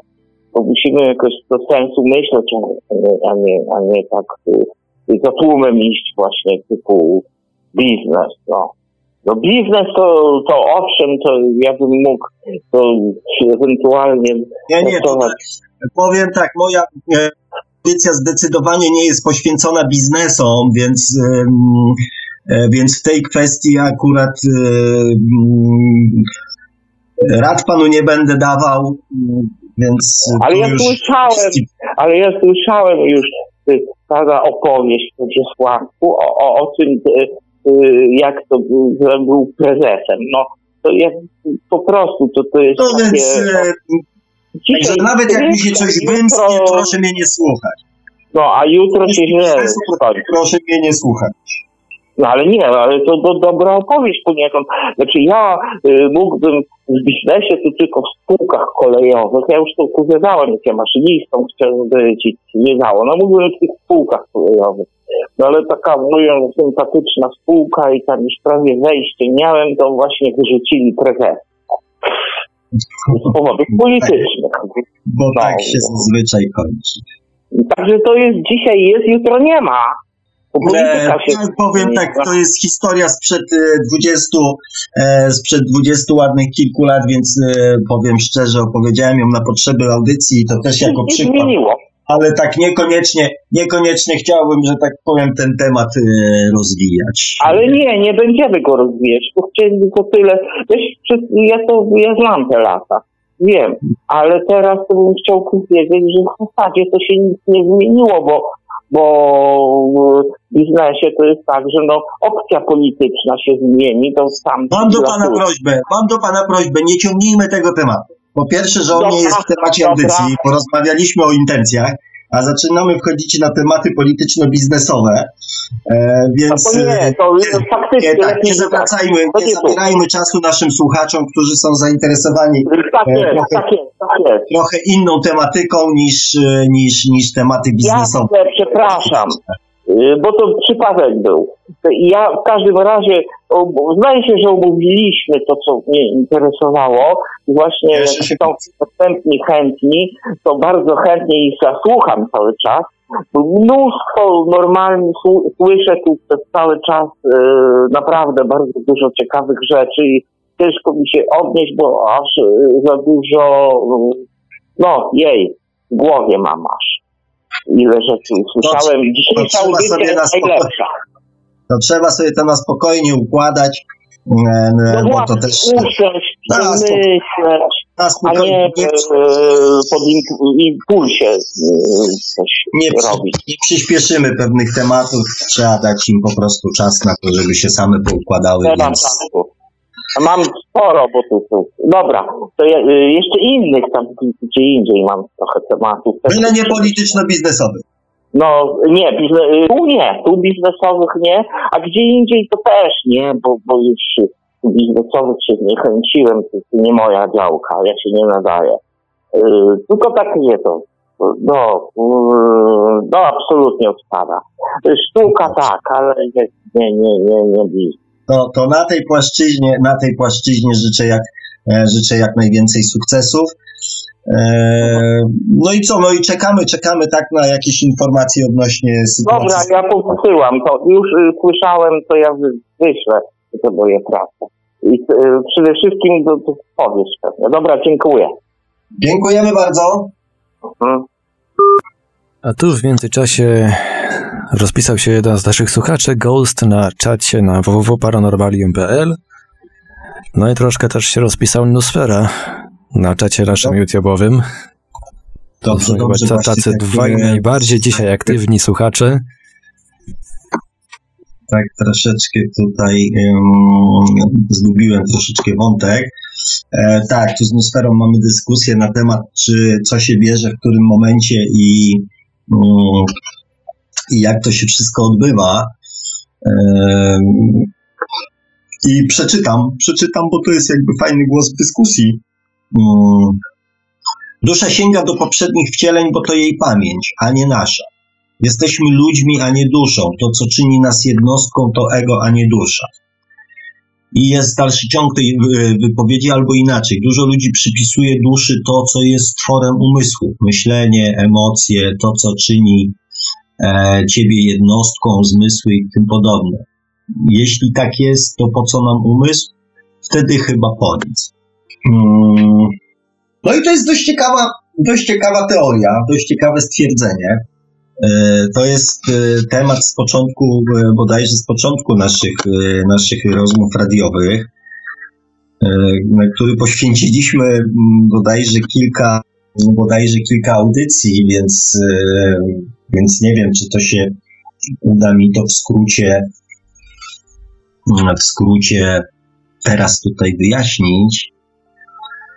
Bo ja się nie do końca z tym zgadzam. Bo ja się nie do końca z tym zgadzam, bo tu znowu się pojawia ten temat takiego rozdzielenia, e, takiego rozdzielenia, że to jakby dusza sobie, umysł sobie, no, że to wszystko jest jakby, mm, jakby troszeczkę pomieszane. Znaczy, że to jest przede wszystkim troszeczkę oddzielone. A wszelkie moje doświadczenia na sobie i też e, wszelkie moje rozmowy z ludźmi innego rodzaju doświadczenia świadczą właśnie o tym, że to jest cały czas proces, który, który jest nierozerwalny i trwa cały czas, że cały czas następuje wpływ naszej duszy i płynącej z niej świadomości, bo to jest e, jakby ja cały czas się upieram przy tym stwierdzeniu, że dusza jest tylko nośnikiem, nośnikiem pewnych informacji, nośnikiem pewnej e, wiedzy i nośnikiem też pewnych wniosków, które, które później nam zostają podczas kolejnych wcieleń przekazywane. I tak naprawdę to te informacje, które płyną z tej duszy i świadomości, tworzą dla nas taki nierozerwalny, nierozerwalny kręgosłup moralny. Ja to tak nazywam. To one decydują o tym najczęściej, um, jakie są takie główne zarysy naszej osobowości. Więc sam umysł, no nie wiem, chyba, hmm, chyba trzeba będzie poświęcić temu znowu jakąś tam, e, przynajmniej jakiś tam wycinek, wycinek audycji żeby tą, żeby tą myśl, że tak powiem, e, rozwinąć. Tak, pojawia się tutaj e, określenie ego, czyli w moim przekonaniu to jest coś, e, co mm, powstaje na skutek w wyniku połączenia podświadomości ze świadomością płynącą z duszy, że efektem tego jest coś charakterystycznego, czyli ego. I tu w tym zakresie się, w tym zakresie się tutaj zgadzam, tak? Że to ego tworzy obraz jakby na danej konkretnej osoby i to nas charakteryzuje i to nas wyróżnia spośród e, całego e, tłumu innych ego ludzi. E, więc teraz przejdę tutaj do pytań Gosta. E, cześć, witaj goście, witam Państwa wszystkich słuchaczy. E, proszę nie poddawać się, staram się. Mm. I teraz jest pytanie, czy można w jakiś sposób intencję przyrównać do modlitwy? E, powiem tak, w kościele, zwłaszcza w kościele chrześcijańskim, jest pojęcie intencji, czyli czyli modlitwy za kogoś bądź w jakimś celu, konkretnym celu. Natomiast mi e, nie chodzi o tą formę intencji. E, intencja to są powody, przyczyny, z jakich, z jakich zaczynamy, jakie nami kierują w momencie, kiedy E, kiedy podejmujemy pewne decyzje, kiedy zaczynamy je przekształcać w jakiś konkretny plan. E, intencją jest to, że robimy coś dla kogoś, bo go lubimy i chcemy mu pomóc. To to jest intencja. To tak jest, e, to tak jest, taki był cel, że tak powiem, tej audycji, żebyśmy zrozumieli samych siebie, żebyśmy zrozumieli powody, E, dla których podejmujemy pewne działania. Żebyśmy się przyjrzeli im dokładnie, towarzyszącym temu emocjom i, i powodom, z jakich mówię, podejmujemy, mm, podejmujemy pewne działania. Bo często jest tak, że robimy coś, bo tak. Natomiast później też jesteśmy zaskoczeni, tak jak ja byłem zaskoczony, jak wielu ludzi jest zaskoczonych tym, co Mm, co na skutek tych działań wychodzi. I tutaj mam pytanie, nawiązując do pytań z poprzedniej audycji, to chciałbym pójść za ciosem pociągnąć dwa z nich. Mówi Pan, że nasze ciało ziemskie zawsze umiera. Nie zawsze. A, na zawsze. Czy wie pan, jak będzie w ostatniej inkarnacji? Czy to ostatnie ciało będzie żyło wtedy wiecznie wraz z duszą i już nigdy nie umrze? Gdyby tak było, zostałoby ono dość znacznie wyróżnionych y, ze wszystkich tych poprzednich ciał. Wiem, wiem, to dość przyziemna myśl. To znaczy, mm, czy żyłoby wiecznie? Czy żyłoby wiecznie? E, czy żyłoby wiecznie? Myślę, że na podstawie już nawet y, badań naukowych, kiedy wiadomo, że mm, dla ludzkiego organizmu, dla ludzkiego organizmu z biologicznego punktu widzenia 200 mm, lat życia to już nie jest żadne ograniczenie. 200, a nawet niektórzy mówią, że 300, czyli nasz ten biologiczny nośnik e, jest w stanie funkcjonować przez 200 bądź 300 lat. Więc to są takie aktualnie ustalenia. Być może, e, być może pojawią się następne, które będą twierdziły, że jesteśmy w stanie z biologicznego punktu widzenia żyć, nie wiem, 200, 300, być może 500 lat. E, więc, więc może się okazać, że po prostu nam to to życie też się już, już w którymś momencie po prostu znudzi. Natomiast e, nie sądzę, żebyśmy byli w stanie e, fizycznie żyć wiecznie. Bardzo długo, ale, ale chyba nie wiecznie.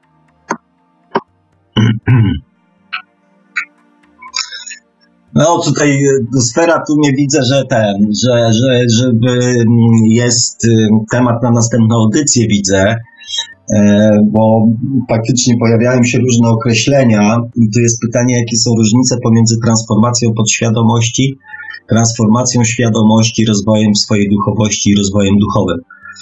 E, rozwoj, no, transformacja świadomości E, nie sądzę, żebyśmy mieli wpływ na, mm, na transformację. Transformacja to jest dla mnie świadome, e, świadome działanie zmierzające do konkretnych efektów. Chociaż nie, no transformacja świadomości też może nastąpić na skutek naszego wpływu na doświadczenia, przez jakie będziemy chcieli przejść. Natomiast transformacja podświadomości jak najbardziej e, transformacja wzorców które się pojawiły e, w naszym, w naszym obecnym e, życiu. I tutaj świadome korygowanie i świadome mm, i świadoma zmiana tych, które często są dla nas szkodliwe, często mm, blokują jakiś tam nasz rozwój, często powodują sytuacje, których nie chcemy już z jakiegoś powodu przeżywać, ponieważ te doświadczenia które do tej pory przeżyliśmy, już e, są wystarczające do tego, byśmy zrozumieli, że to na przykład jest niewłaściwe, a ten etap nauki mamy już za sobą. Więc e, transformacja podświadomości to jest, to jest praca nad zamiana wzorców, które są zapisane w podświadomości. Transformacja świadomości to jest to jest świadome wpływanie. Znaczy o transformacji świadomości nigdy nie mówiłem, więc, e, e, więc, e, więc jest to świeży, świeży temat, który się pojawił i też, no i też wymagałby głębszego, głębszego, głębszego wyjaśnienia. Ja sobie to zapiszę, wezmę sobie teraz karteczkę papieru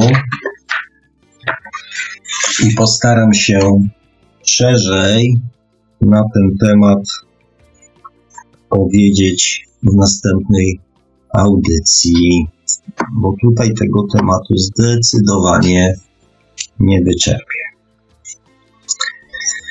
A różnica jest e, w transformacji podświadomości, a transformacji świadomości taka, jak różnica pomiędzy podświadomością a świadomością. Dobra. Mm, zapisałem, postaram się pamiętać e, przed następną audycją. E, tutaj mam pytanie Gosta. Innym pytaniem zapytałem o te podpoziomy dusz, czy na przykład 1 czy 56. Odpowiedział Pan, że istnieją. ale rozszerzył Pan to na wszystkie dusze, czyli na wszystkich żyjących ludzi na Ziemi. Mi z kolei chodziło w tym pytaniu o pojedynczego człowieka i pojedynczą duszę, czyli zadam jeszcze raz pytanie, czy pojedyncza na przykład młoda dusza podlega takim podpoziomom, czyli przez wszystkie swoje inkarnacje rozwija się poprzez te podpoziomy. Jak pisałem ostatnio, jako ta młodsza dusza w poszczególnych jej inkarnacjach widać efekty jej rozwoju, czyli jej, tej młodej duszy, poziom pierwszy, różni się od kolejnego poziomu, na przykład 56. Czyli czy w naszym życiu widać, że człowiek z duszą pod poziomu 56 jest poprzez rozwój tej duszy lepszym człowiekiem od poziomu pierwszego. Proszę zauważyć, że cały czas mam na myśli tutaj rozwój tylko jednej młodej duszy, a nie wszystkich istniejących. Chyba, że różnice w zachowaniu człowieka widać dopiero między młodą a dojrzałą duszą. U, goście drogi. Hmm. O, powiem tak. No są też różne teorie. Ja mm, e, i, i każdy mm, i każdy każdy człowiek to jest oddzielna historia. Ja słyszałem o, taki, o takich e, wyliczeniach, że na jednym poziomie, e, że na jednym poziomie dusze inkarnują się od 7 do 12 razy na każdym poziomie, tak, ale to moim zdaniem nie jesteśmy w stanie tego w żaden sposób zbadać, ponieważ musielibyśmy wszystkich ludzi, e, którzy, nie wiem, albo przynajmniej, nie wiem, z tysiąc, dwa tysiące ludzi e, wprowadzić w sesje regresyjne i po kolei razem z nimi analizować, który poziom, na jakim. No to jest jakaś abstrakcja dla mnie. Więc podejrzewam, że są to tylko jakieś takie mm, wyliczenia wyliczenia ogólne. E, natomiast tak, no, z tego też wynika, no te podpoziomy oczywiście istnieją, jeżeli nazywając je po, po, po, po ziemsku, e, no bo założenie jest takie, że z każdym następnym, e, z każdym następnym wcieleniem, jeżeli, jeżeli oczywiście nie, nie, nie robimy mm, jakichś tam ząków dramatycznych, bo z każdym następnym wcieleniem ta świadomość powinna się zmieniać i ta świadomość y, powinna rosnąć, więc i zadania, doświadczenia, doświadczenia na następne wcielenia powinny być inne. E, czy, mm, czy widać różnicę? Czy widać różnicę? Moim zdaniem tak. Moim zdaniem tak, bo świadomość na przykład wczesno, że tak powiem, dziecinna, będzie moim zdaniem troszeczkę inaczej e, reagowała ze względu na zdobyte małe doświadczenie niż świadomość e, jakby przechodząca już na następny, e, na następny etap. Oczywiście to jest wszystko, kochani, bardzo umowne. To jest sprowadzone do takiego ziemskiego nazewnictwa, ponieważ, żeby to było po prostu łatwiej wytłumaczyć. Natomiast tego się nie da, tego się nie da tak przyłożyć jeden do jednego, bo ja sam znam przynajmniej dwie osoby, które na poziomie bardzo,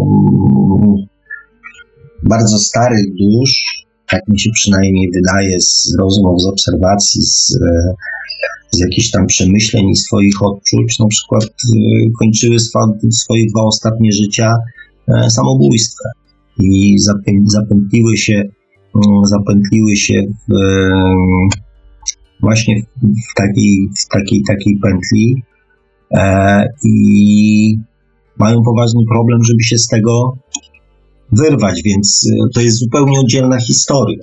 I tu co człowiek to jest, e, to jest, to jest oddzielna historia. E, I też mm, dlatego też dusza ma przynajmniej kilka scenariuszy, ponieważ tak jak wiecie, mamy wolną wolę e, i nie zawsze te sytuacje, które powinniśmy obrócić na swoją korzyść, na tą korzyść obracamy. I potrzebujemy jakiegoś tam upływu czasu, żeby pewne rzeczy zrozumieć e, i podjąć e, kolejną próbę przejścia, e, przejścia pozytywnie. No, egzaminu, no to, to, to ciężko powiedzieć, tak, ale załatwienia tego tematu, który gdzieś tam nas, e, który był dla nas celem na to wcielenie.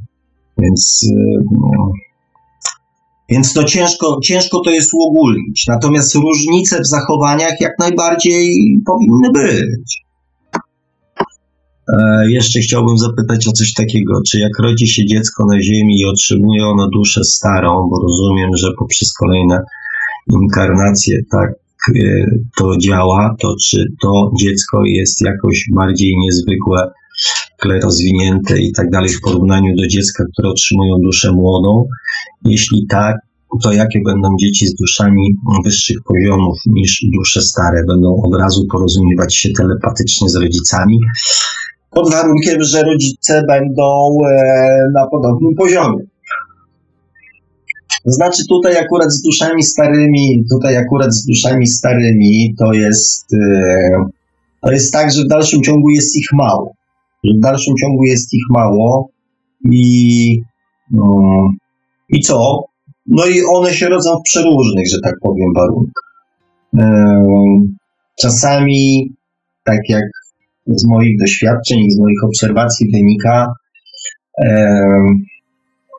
czasami na przykład jedno z rodziców jest, e, jest na podobnym etapie rozwoju. bardzo często jest tak, że, że te, mm, dusza wybiera takich rodziców, których będzie mm, miała zapewniony właściwy rozwój. Jeżeli dusza jest e, na poziomie na młodym, e, to najczęściej któryś z rodziców jest też na poziomie młodym, żeby zapewnić e, tej duszy właściwe doświadczenia. Jeżeli na przykład jest małżeństwo mm, duszy młodej z duszą dziecinną, to jeżeli jest dwójka dzieci, to bardzo często jest tak, że jedno jest na poziomie duszy młodej, na przykład ojciec jest biznesmenem, to często syn, który przychodzi na świat, jest również obdarzony duszą młodą, żeby na przykład rozwijać e, i zdobywać te doświadczenia przypisane do, do, do stanu młodego, tak? Natomiast y, córka często, y, często jest duszą dziecinną, ponieważ matka na przykład jest duszą dziecinną. I na bazie tych starć dochodzi do E, do różnych sytuacji, które mm, powodują, że ta dziecinna dusza zdobywa, e, zdobywa to doświadczenie. Natomiast y, co się będzie mm, działo, kiedy, mm, kiedy dusze stare pojawią się w większej ilości na Ziemi, to być może, to być może tak właśnie będzie.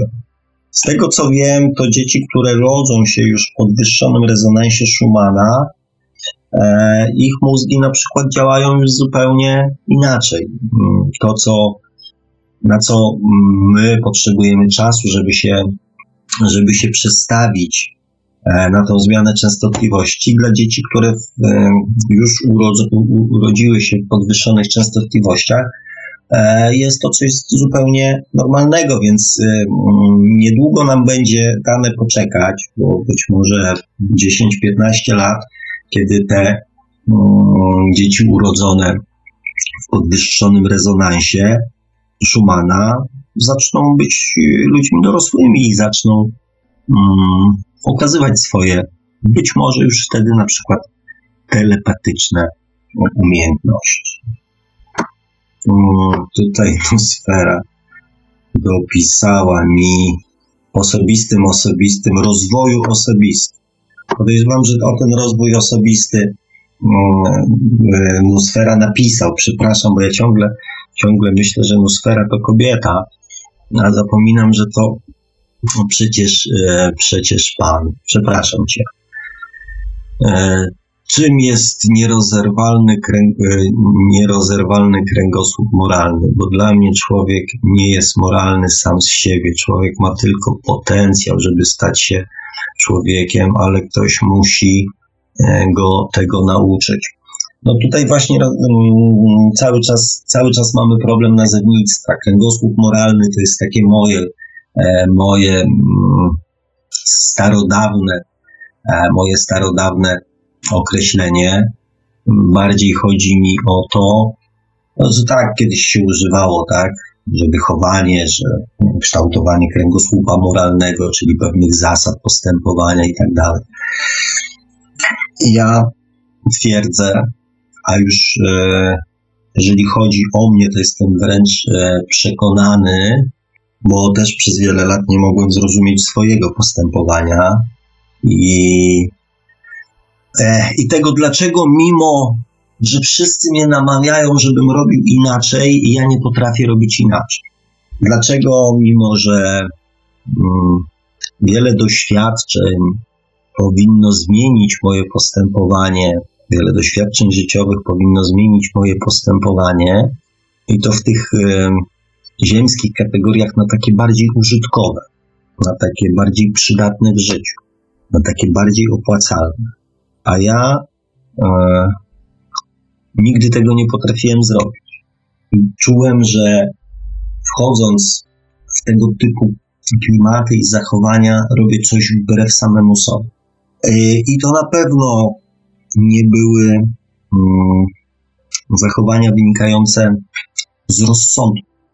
I to też na pewno nie były zachowania wynikające z podświadomości, ponieważ akurat mam dobry przykład swojej e, osobistej rodzonej siostry, która jest dramatycznie ode mnie różnym człowiekiem, chociaż wychowanym przez e, tych samych rodziców, w tych samych warunkach, e, w tym samym pokoju w dzieciństwie, przez tą samą babcię, w tej samej szkole podstawowej, na tym samym osiedlu, wśród tych samych ludzi, E, więc powinniśmy być chociaż trochę do siebie podobni. Nie jesteśmy w żadnym calu, w żadnej decyzji, w żadnym zachowaniu. Nie jesteśmy do siebie podobni. Więc, e, więc ten kręgosłup moralny, który ja nazywam kręgosłupem moralnym, a mam tak na myśli, a tak naprawdę mam na myśli um, ilość uniwersalnych praw, które stosuję w swoim życiu, mm, jest zasadniczo inny od e, ilości uniwersalnych praw czy uniwersalnych zasad stosowanych na przykład przez, e, przez wielu moich kolegów, przyjaciół, siostrę, braci itd. Tak Ktoś go musi tego nauczyć. E, człowiek e, ma tylko potencjał, żeby stać się człowiekiem.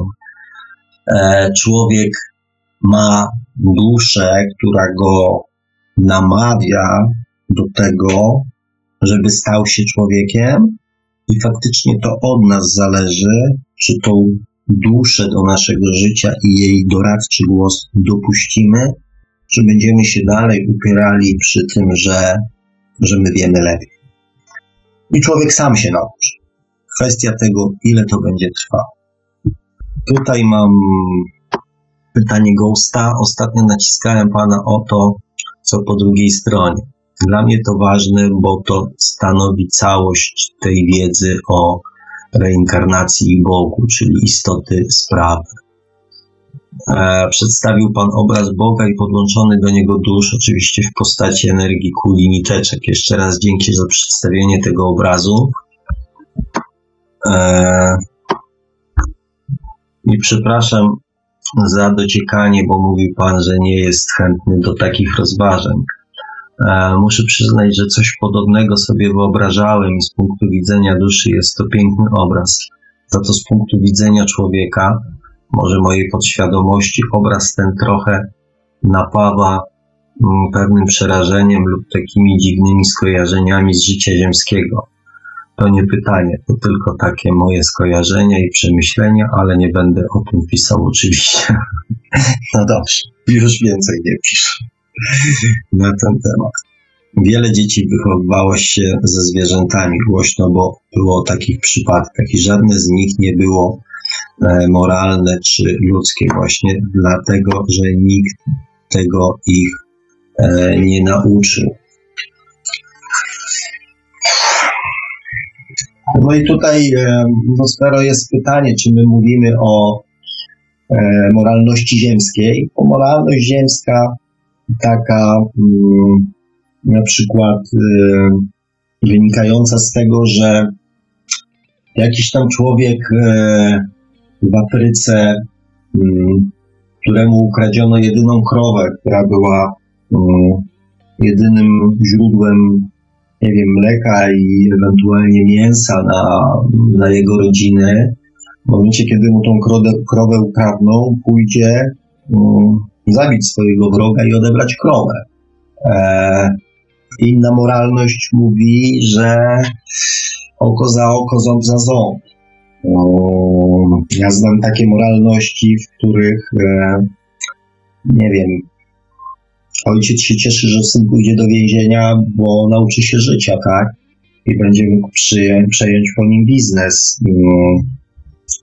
A też znam takie moralności, kiedy mm, jeden brat w imię wyznawanej swojej wiary zamyka dobrze prosperującą firmę w Stanach i, wraca do Polski ratować swojego brata, mm, który jest leniem patentowanym. Spłodził piątkę dzieci i narobił sobie kłopotów.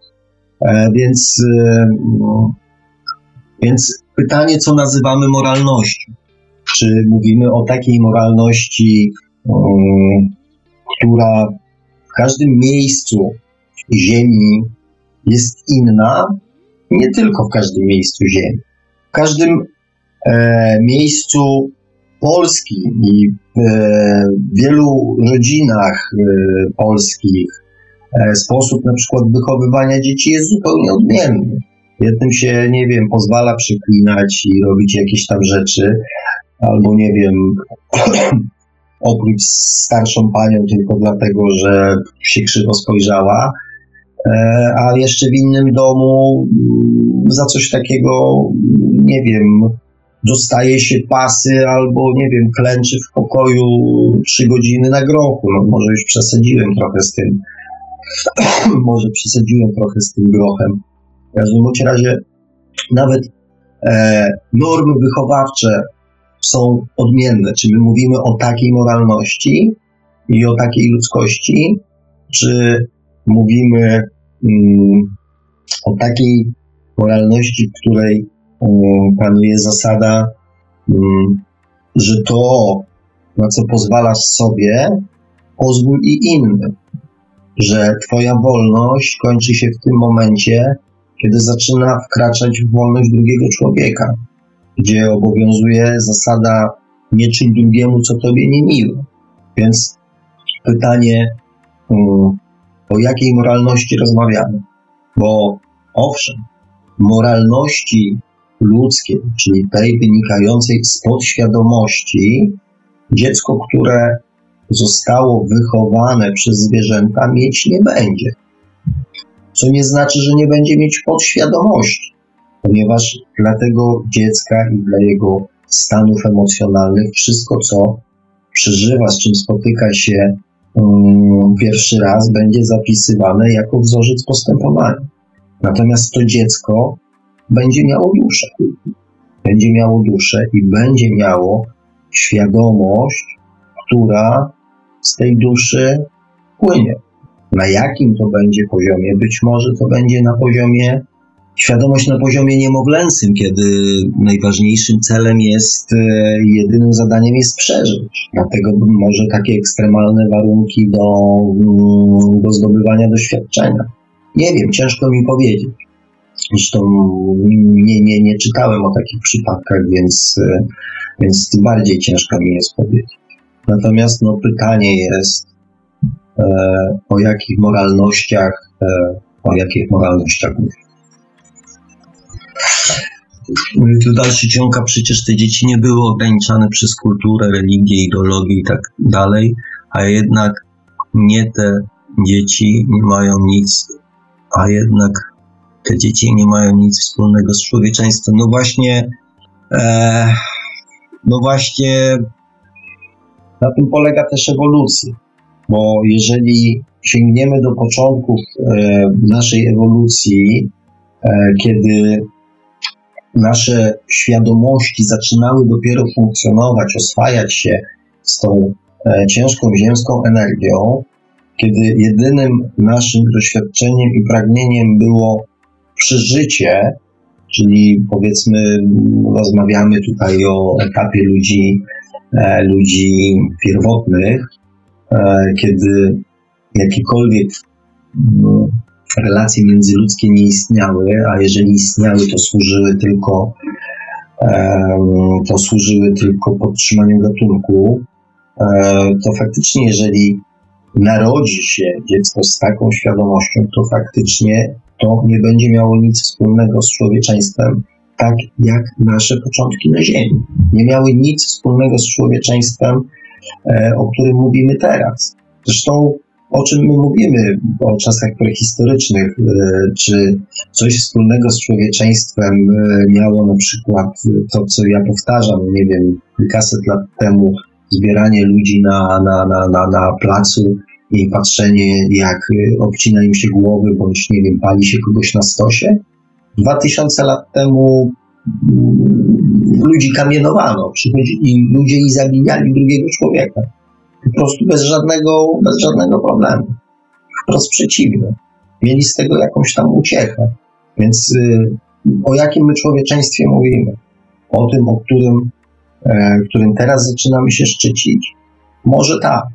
Natomiast jeszcze, mm, jeszcze nie tak dawno nawet takie zachowania, e, nawet takie zachowania, których, które my teraz nazywamy nieczłowiecz, nieczłowieczeństwem, nie budziły aż takich, e, aż takich emocji jak teraz.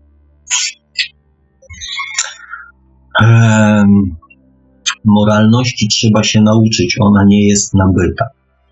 Religia, kultura, rodzina uczy ludzi moralności, zaś e, New Age twierdzi, że to nas ogranicza i dzieli. Skoro nas dzieli, to jak to możliwe, że dzieci, które nie były ograniczane przez kulturę i tak dalej, nie są wzorem człowieczeństwa, zamiast tego są e, wzorem ze zwierzęcenia.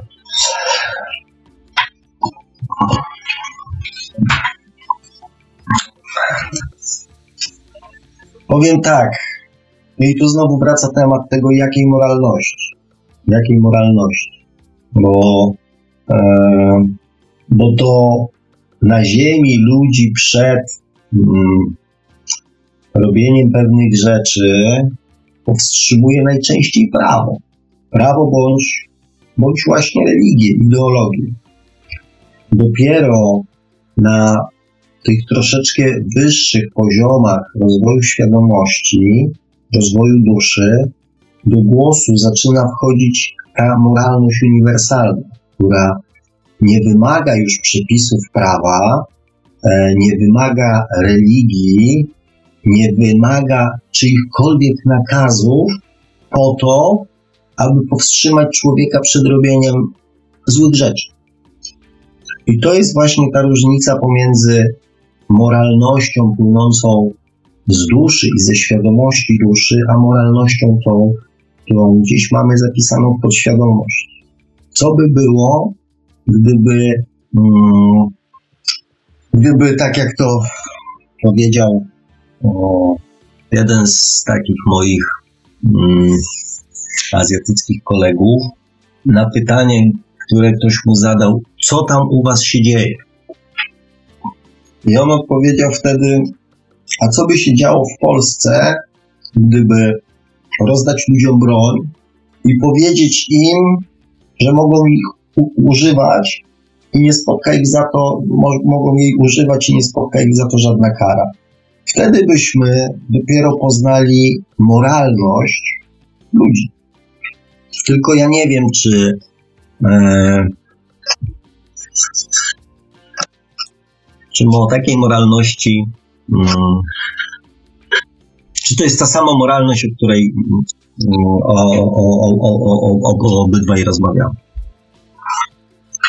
Coś tutaj nie wiem z czego, do czego dotyczy ten e, wpis Johna, ale napisał w tle słychać niemożliwe, niewiarygodne paranormalium. Nie to wiem, może tam problem się... techniczny się zrobił, z, słychać było jingle radiowe. A, no tak się domyślałem, że chyba coś tam pan Marek tutaj nam e, uatrakcyjnia, uatrakcyjnia audycję. Ja tego nie słyszę, więc, więc e, tak tylko się domyśliłem. Hmm. Ale wracając już do wątku sfera, powiedział Pan, że dusza ma wiele scenariuszy. Według mnie ona nie ma żadnych scenariuszy, bo ona nie musi e, zdawać żadnych egzaminów. To człowiek ma różne scenariusze na życie, a nie dusza. Pomijamy się w pewnych. Um, o, zaraz, bo tutaj pojawił się drugi wpis. Um, Dusza pisze scenariusze, a człowiek jest aktorem. Człowiek to nie scenarzysta. Teraz troszeczkę się pogubiłem. Hmm. Troszeczkę się mijamy. Nie wiem, nie wiem jak bardzo hmm, i na ile jest to z Twojej strony podchwytliwe i, i wynika z chęci poruszenia ważnych tematów. Natomiast. Y, Natomiast Dusza pisze scenariusze, człowiek jest aktorem. Człowiek to nie scenarzysta. Eee, no, troszeczkę jest tak dla mnie w sprzeczności z tym, co pojawiło się wcześniej. Tak, faktycznie dusza nie zdaje żadnych egzaminów. Oczywiście, że nie. Hmm. Natomiast no, musielibyśmy wrócić znowu do początków audycji, kiedy rozważaliśmy te opcje ja w dalszym ciągu, powtórzę to teraz, twierdzę, że dusza nie jest żadnym ciałem obcym dla nas. Dusza jest darem, dzięki któremu mamy dostęp do tego, co przez wszystkie wcielenia przeżyliśmy. Dostęp w sensie wniosku, dostęp w sensie świadomości, czym kończą się takie, a nie inne działania. Więc e, jeżeli to człowiek byłby decydentem we wszystkich tych kwestiach, to jakby cała istota inkarnacyjna nie miałaby sensu. Bo wtedy to, nie wiem, człowiek by jechał sobie do sklepu e, i wybierał sobie duszę z odpowiednim oprogramowaniem ponieważ by mówiła, teraz to ja bym sobie chciał przeżyć na przykład, nie wiem, bogactwo. Więc teraz ja sobie wybiorę taką duszę, która będzie, no, będzie powodowała, będzie powodowała bogactwo. No, jak widać na załączonych w życiu obrazach, tak to nie działa. Że to najczęściej my nie wiemy, co się dzieje z naszym życiem. Najczęściej to my nie wiemy, dlaczego ono wygląda tak, jak wygląda. To my zadajemy sobie jako ludzie pytanie, dlaczego? Co się stało, że się zesrało? Więc gdyby nasza umiejętność i umiejętności były tak duże, to nie mielibyśmy z tym żadnych, e, żadnych problemów. Nie zadawalibyśmy sobie tych pytań, tylko kreowalibyśmy swoje życie w sposób dla nas e, wygodny, fajny, miły, przyjemny. No i niektórzy tak próbują to robić. Bardziej chodziło mi, znaczy chodziło mi o to, że wiele scenariuszy, chodzi mi o to, że mm, dusza tak naprawdę zmierza do, mm, do pokazania nam to, co mówiłem, jak sytuacje wyglądają z drugiej strony, po to, e, aby, abyśmy doświadczyli wszelkich dostępnych na Ziemi e, sytuacji związanych z tym emocji, e, związanych z tym doświadczeń. I te różne scenariusze e, po, polegają mm, na tym, że my nie zawsze chcemy wyciągnąć właściwe wnioski z tego, co nas spotyka w życiu. Że czasami e, doświadczamy czegoś, ale wniosek z tego doświadczenia jest zupełnie inny niż ten, e, który, o który chodzi naszej duszy. I dlatego pakujemy się za chwilę w podobną sytuację, aż do momentu, e, dopóki, dopóki nie zrozumiemy sensu tego doświadczenia. Dlaczego e, na przykład pakujemy się po raz kolejny w taki sam związek? W myśl zasady e, wyznawanej przez wielu mężczyzn nie można zmienić kobiety, ale można zmienić kobietę. Ale to i tak nic nie zmieni, ponieważ okazuje się bardzo często, że e, kolejny związek, chociaż wydawałoby nam się, zresztą kobiety twierdzą to samo, że wydawało się, że to już był ten właśnie właściwy, idealny, e, a okazuje się, że, że jest jeszcze gorzej. Ponieważ to, o czym dzisiaj mówiłem, często nie rozpoznajemy właściwie swoich własnych intencji. Często pakujemy się na przykład w związek, w którym wydaje nam się, że kogoś zmienimy, że mamy misję zmieniania, na przykład albo mamy misję pomagania. Miałem sąsiadkę, która poznała swojego męża w więzieniu. Miała tak silną potrzebę pomagania ludziom, że ożeniła z nim się jeszcze wtedy, kiedy był w więzieniu tak była przekonana, ponieważ była psychoterapeutką, tak była przekonana, że go zmieni, że liczyła, że na skutek jej pracy, umiejętności, miłości, że on się zmieni. Więc czasami, jeżeli nie rozpoznamy tych właśnie intencji, które nami kierują w takich sytuacjach, i nie wyciągniemy właściwego wniosku z doświadczenia, przez które przechodzimy, często na przykład obwiniając innych, że to on jest zły, że to ona jest zła. Sam się uparłem na te związki, ponieważ to jest taki pierwszy temat, na którym wszystko widać, a po drugie to, to, to w większości wszystkich nas dotyczy, tak? To nie jest moja wina, to jest, e, to jest jej wina na pewno, bo to zła kobieta była i zupełnie nie wyciągamy wniosków z tego i za chwilę pakujemy się w następną, jeszcze gorszą kobietę. Um, tutaj na pisze, nie ma tego, nie ma takiego czegoś jak moralność kosmiczna czy uniwersalna. Moralność to wytwór kultury, e, innej mora, moralności nie ma i wystarczy spojrzeć na przyrodę. Zwierzęta, rośliny nie kierują się, e, nie kierują się moralnością. E, zwierzę nie kieruje się zasadą, nie czyni nikomu, co tobie niemiłe i to jest niezaprzeczalny fakt. Tak. E, mam taki przekaz do kolegi. Chrześcijaństwo nie jest dla ciebie. Mm, e, pomyśl o buddyzmie. Pozdrowienia z angielskiej taksówki. Ryszard. Pozdrawiamy mm, angielski takiego taksówkarza, Ryszardzie. Dziękuję bardzo. E, nie wiem, czy to dotyczyło tak dokładnie mnie, mm, czy to tak dotyczyło dokładnie mnie, ale jeżeli, e, jeżeli mnie, to ja ogólnie nie podpisuję się pod religiami w sposób taki bezpośredni. Tak jak Wam mówiłem, mm, pewne przykłady podaję z religii chrześcijańskiej, dlatego że, że to najlepiej znam, tak? Tej żyję od swoich tam pięćdziesięciu paru lat i, i, też mi najłatwiej ją, e, ją, e, ją obserwować i mam najwięcej, najwięcej danych, więc, e, no, więc to raczej mm, religii nie zmienię, bo, bo, bo w żadnej tak naprawdę nie, bo, bo w żadnej tak naprawdę nie jestem.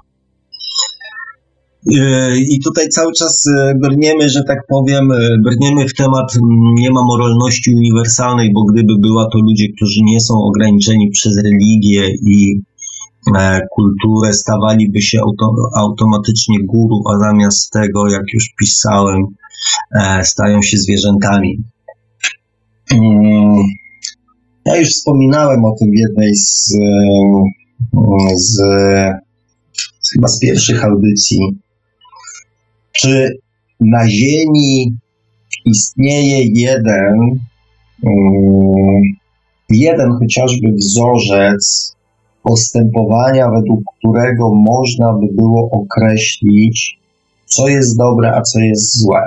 Czy istnieje na Ziemi taki punkt odniesienia, e, który byłby w stanie jednoznacznie określić, co jest dobre, a co jest złe, a i tenże ta opinia, czy to zdanie, czy ten osąd byłby akceptowany przez e, wszystkich ludzi na, na Ziemi.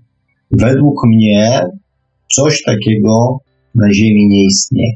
Więc e, skoro nie ma jednoznacznej moralności, czy tam wzorca moralności ziemskiej, to faktycznie cała ta moja historia, całe te moje i nie tylko moje um, teorie nie mają najmniejszego sensu. Bo jeżeli nie ma też uniwersalnego wzorca, to tak naprawdę róbmy co chcemy. I nikt nigdy nie będzie nam w stanie zarzucić, czy zrobiliśmy coś źle. Zastanawiam się tylko, um, skąd się biorą wyrzuty sumienia. Skąd się bierze pewnego rodzaju niepokój u ludzi, którzy mają coś na sumieniu, na tak zwanym sumieniu. Natomiast jeżeli nie ma uniwersalnego wzorca, to wszystko to, co powiedziałem do tej pory, nie ma sensu. Więc mam nadzieję, mam nadzieję, że jednak jest jakiś wzorzec.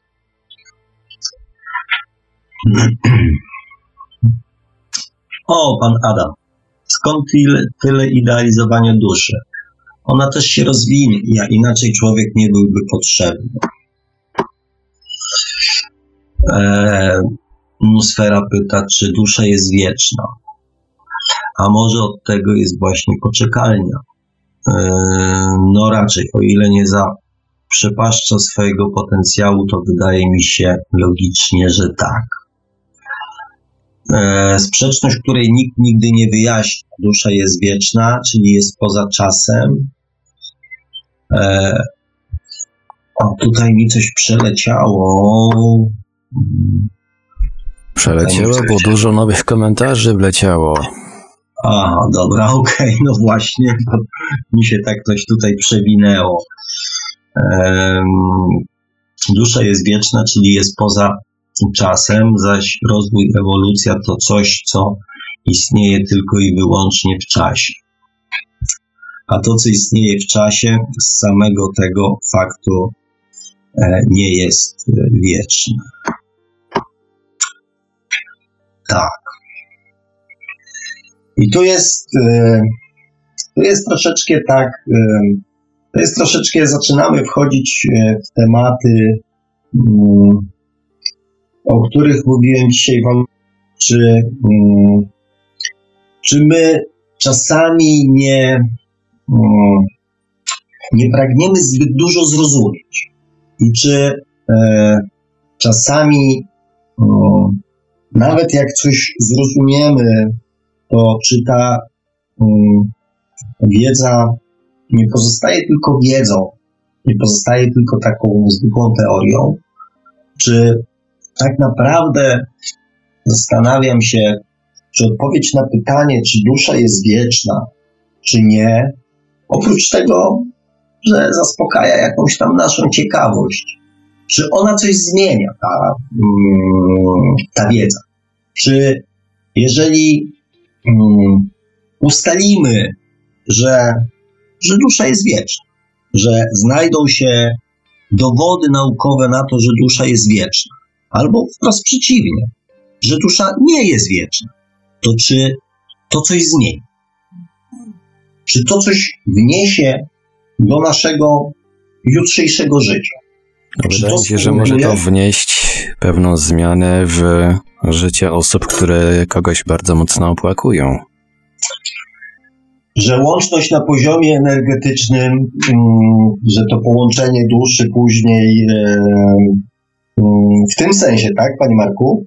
No tak, że, że ta osoba, która odeszła na przykład e, tak naprawdę odeszła tylko jej powłoka fizyczna, ona żyje sobie gdzieś tam dalej. Znaczy, e, bo ja myślę, mm, mm, że my tu nie rozważamy mm, samego procesu inkarnacji, czyli że dusza w ogóle istnieje, tylko czy ona będzie istniała przez najbliższe 4 miliardy lat i później, i później, i później. Bo myślę, że tutaj ten temat, że, że inkarnacja jest, że dusza po śmierci gdzieś tam sobie wędruje i później wraca i, i ona cały czas na tym poziomie naszej ewolucji funkcjonuje, to chyba mm, tego, to, to, to ja nie poddaję tego wątpliwości, też myślę, że, e, że nikt ze słuchaczy tutaj nie poddaje, tylko wydaje mi się, że my zaczynamy się zastanawiać, czy dusza żyła 300 miliardów lat temu i czy za 300 miliardów lat będzie jeszcze żyła że to chyba na takiej przestrzeni my tutaj e, dywagujemy, bo, bo, bo co do tego, że po naszej śmierci e, te dusze tam się ze sobą, e, ze sobą w jakiś tam sposób spotkają, to, to myślę, że to nie ulega wątpliwości. Także jeżeli ja coś źle zrozumiałem, to, e, to przepraszam, ale tutaj mm, to bardziej chodziło, że czy dusza jest wieczna, czyli poza czasem. Jeżeli w tych kategoriach to się wycofuje, jeżeli coś, coś pokręcimy. Więc przejdę do następnego wątku. E, tutaj John napisał, zgadzam się, mi niektóre doświadczenie czasami zajmowało kilka lat, e, nim zrozumiałem e, pełny sens, e, pełny sens doświadczenia. No i myślę właśnie, że mm, myślę, że na tym gdzieś tam powinniśmy się przede wszystkim e, przede wszystkim koncentrować na tym, by te, e, te doświadczenia i też ta wiedza, którą mm, nawzajem się tutaj staramy mm, obdarować, żeby to ona powodowała właściwe wyciąganie wniosków. Wniosków, które tak na co dzień pozwolą nam to życie zmieniać takie, na takie, które będzie nie tylko bardziej świadome, ale też będzie po prostu w takim ziemskim wymiarze dla nas lepsze, fajniejsze, przyjemniejsze. Żebyśmy nie poprzestali na tej wiedzy i mm, jak kiedyś w jednym z takich starych filmów, które ja jeszcze oglądałem, e, gdzie był taki pustelnik, który mm, miał mnóstwo wiedzy i 30 lat żył korzonkami szarańcza. E, więc, więc owszem, jeżeli ktoś ma taki cel, taki plan na swoje życie, żeby takie przeprowadzić, to tak. Natomiast e, myślę, że, e, że wszyscy zasługujemy na to, żeby to życie było przede wszystkim radośniejsze, żeby było fajniejsze, żeby, mm, żeby nam się chciało żyć. I ja marzę o tym, żeby ta cała wiedza, której, której tak dużo się pojawia w naszych audycjach, właśnie takich zmian w naszym codziennym życiu dokonywała. Żebyśmy na podstawie tej wiedzy, którą, którą się dzielimy, umieli wyciągać właściwe wnioski, żebyśmy nie musieli powtarzać doświadczeń, żeby nawet te doświadczenia, które się pojawiają w naszym życiu, nie były dla nas nie wiem, wyrokiem śmierci, czy mm, końcem, e, końcem przyjemnego życia. To taki jest, takie jest moje marzenie, taki jest zresztą też cel, e, cel tych audycji. Dlatego, mm, dlatego, o, bardzo, bo ja już chciałem pominąć ten wątek, natomiast pojawił się, e, pojawił się bardzo, mm, bardzo fajne e, podsumowanie tego wątku odnośnie duszy i jej mm, życia w czasie bądź poza czasem. E, John napisał, ja bym postulował, że nie nieśmiertelna, nie, że nieśmiertelna, a nie wieczna. O, i myślę, że to jest właściwe, e, właściwe jakby wyjaśnienie, e, właściwe wyjaśnienie tej sytuacji, że dusza jest nieśmiertelna, a nie wieczna. O. No, sfera w świecie fizycznym też są istoty nieśmiertelne. Takie meduzy chyba że je coś zeżre albo zachorował. No bardzo się cieszę, wątek rozrywkowy się pojawił. Jest też jeszcze e, jedna, mm, jedna prawie że nieśmiertelna mm, istota na Ziemi, bodajże patyczak, czy coś w tym stylu. To jest też jakaś świeża informacja sprzed e, bodajże tygodnia. E, nie zdążyłem zgłębić tego tematu, ale to ta, która przeżyje wybuch bomby atomowej, e, e, jak również, e, jak również będzie w stanie, nie wiem, wytrwać te kosmiczne, kosmiczne niskie temperatury przez kilkadziesiąt albo przez kilkaset lat, więc, więc, więc faktycznie nawet w świecie fizycznym istnieją takie trochę nieśmiertelne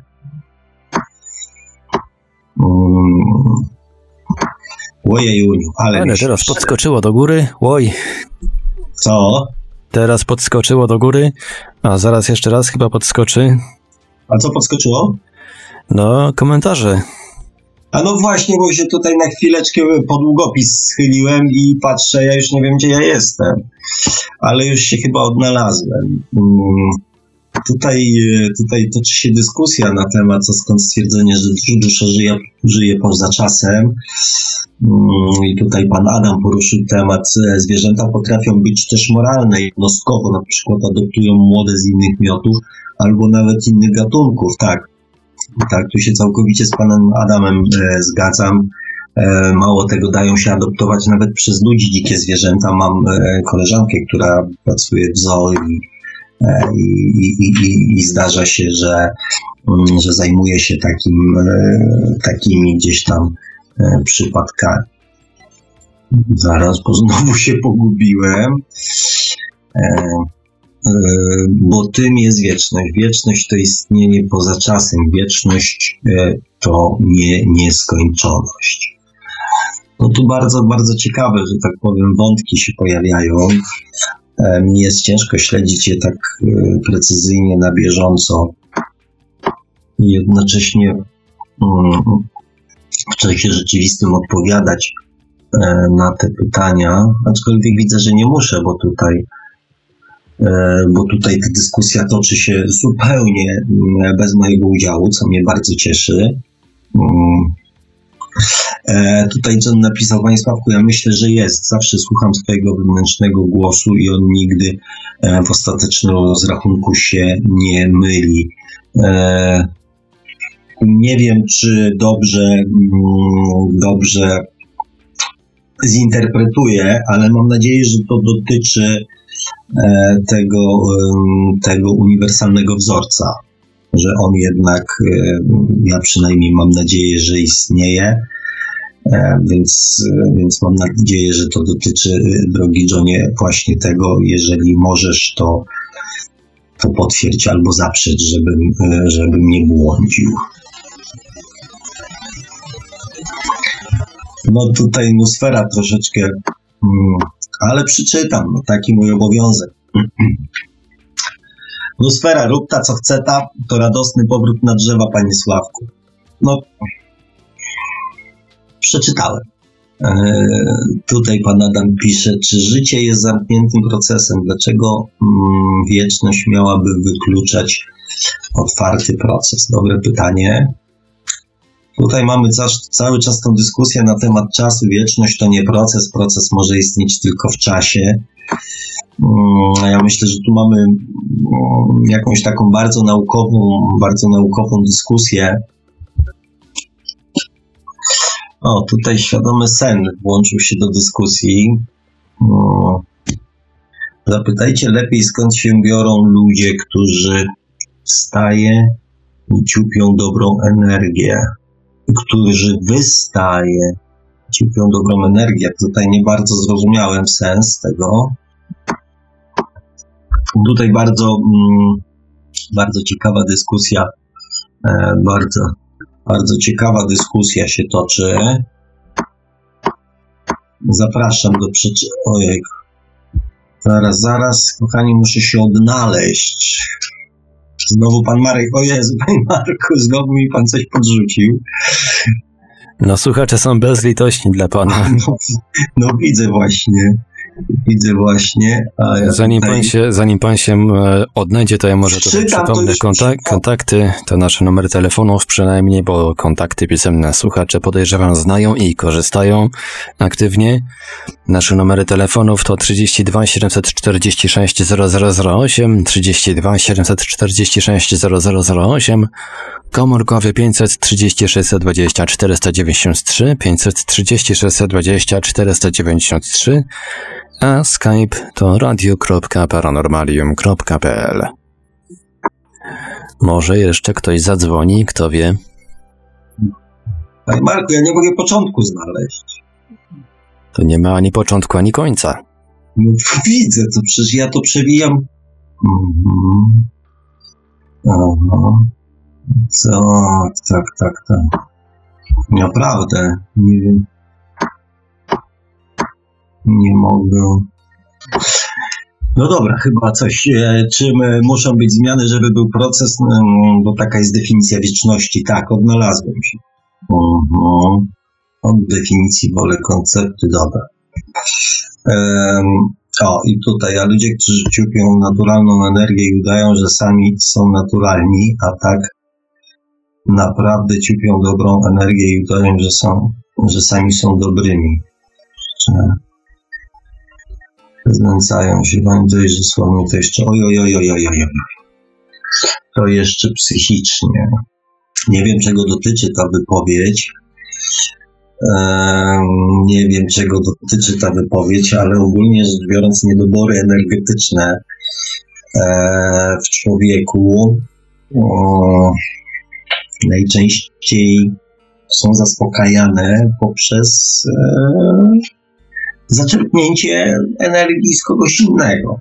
E, często się to dzieje w sposób bardzo nieświadomy. Mm, natomiast, e, e, natomiast tak, natomiast rozmawiałem z, z takim panem, który mm, zajmuje się rozpoznawaniem tak zwanych wampirów energetycznych.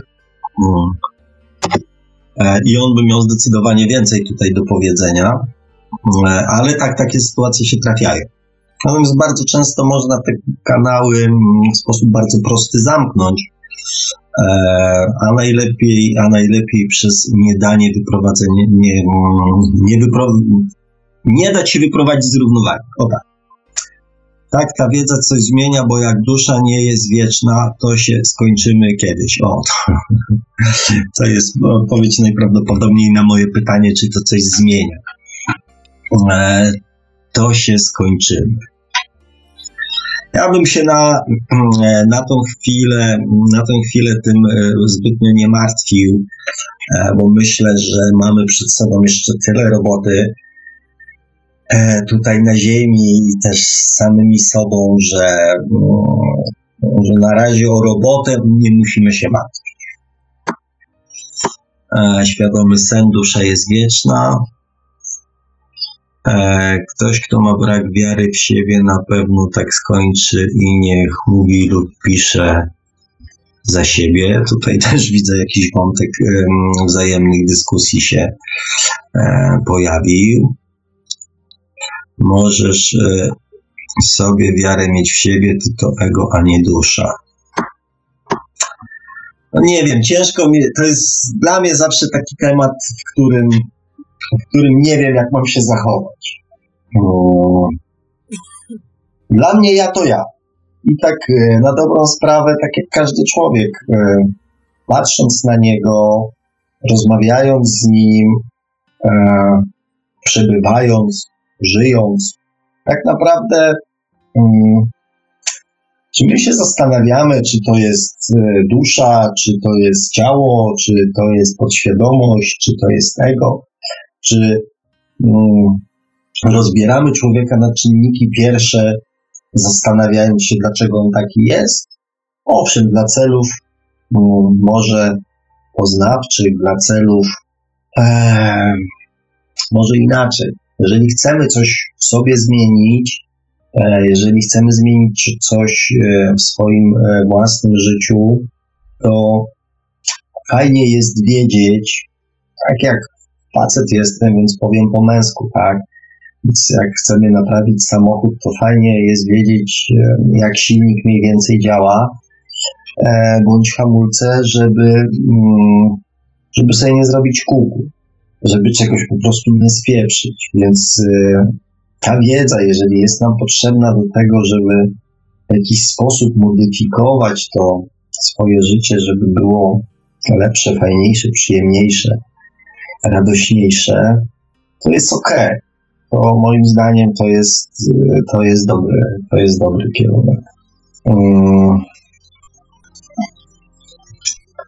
natomiast takie rozdrabnianie osoby to, czy, czy on jest, e, nie wiem, ego, duszą, czy podświadomością.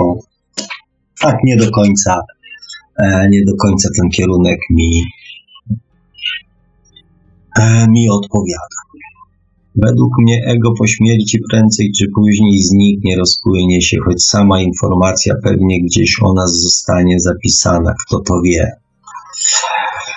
To samo mogą pisać o tobie, sfera.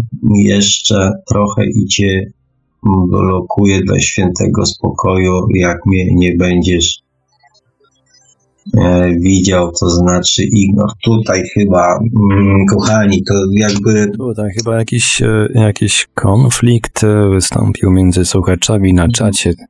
Takim odnoszę no, wrażenie, coś tu się w, wkradło no się nie to, co powinno w tych wklejonych komentarzach. No właśnie, no właśnie, kochani, ja mam do Was taką gorącą prośbę. Dzisiaj, dzisiaj o tym wspominałem na koniec audycji.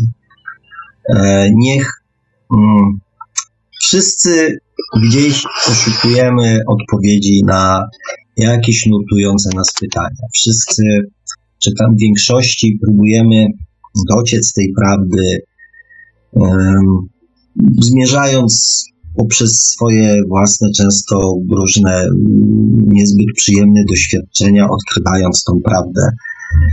I um, czemu nie możemy zrobić z tego przyjemności, czemu nie możemy zrobić z tego radości wspólnego odkrywania tej prawdy? Czemu w ludzkiej naturze jest zawsze ten problem um, ja wiem coś więcej, więc jestem lepszy. Czemu akurat chociażby w tej dziedzinie nie możemy zastosować jakiegoś wyjątku? Zwłaszcza, że przecież wiecie dokładnie, jak się to kończy. Nikt nikogo tak naprawdę do swoich racji nie przekona, dopóki każdy z nas sam w jakiś swój własny sposób do tego nie dojdzie. Więc cieszmy się tą, tą możliwością wymiany informacji. Cieszmy się tym, że możemy za pomocą e, i, i, dzięki panu Markowi, dzięki radiu możemy tą wiedzę sobie, e, sobie przekazywać. Naprawdę, bardzo was proszę, nie, mm, nie, nie, nie wnośmy do tych audycji mm, tego takiego ludzkiego negatywizmu. Te audycje są o świadomości, te audycje są o duszy, więc spróbujmy kierować się chociaż, e, chociaż przez te e, kilka godzin e, tymi, tymi normami. To jest moja gorąca prośba.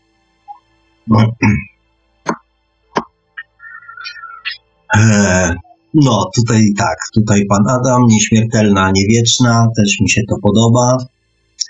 Tyle, że dusza nieśmiertelna traci wszystkie swoje duchowe właściwości. E, zupełnie nie rozumiem, na jakiej podstawie tak twierdzisz i czym są też e, duchowe właściwości. E, ale nie będę tego wątku ciągnął. Mm, Ghost, y, bardzo dziękuję. Przeniesiemy ciężar dyskusji, rozmowy na troszeczkę inne tematy. Albo i nie. Panie Sławku, dociekamy, bo podświadomie ludzie się boją, że jest jak jest i co będzie później.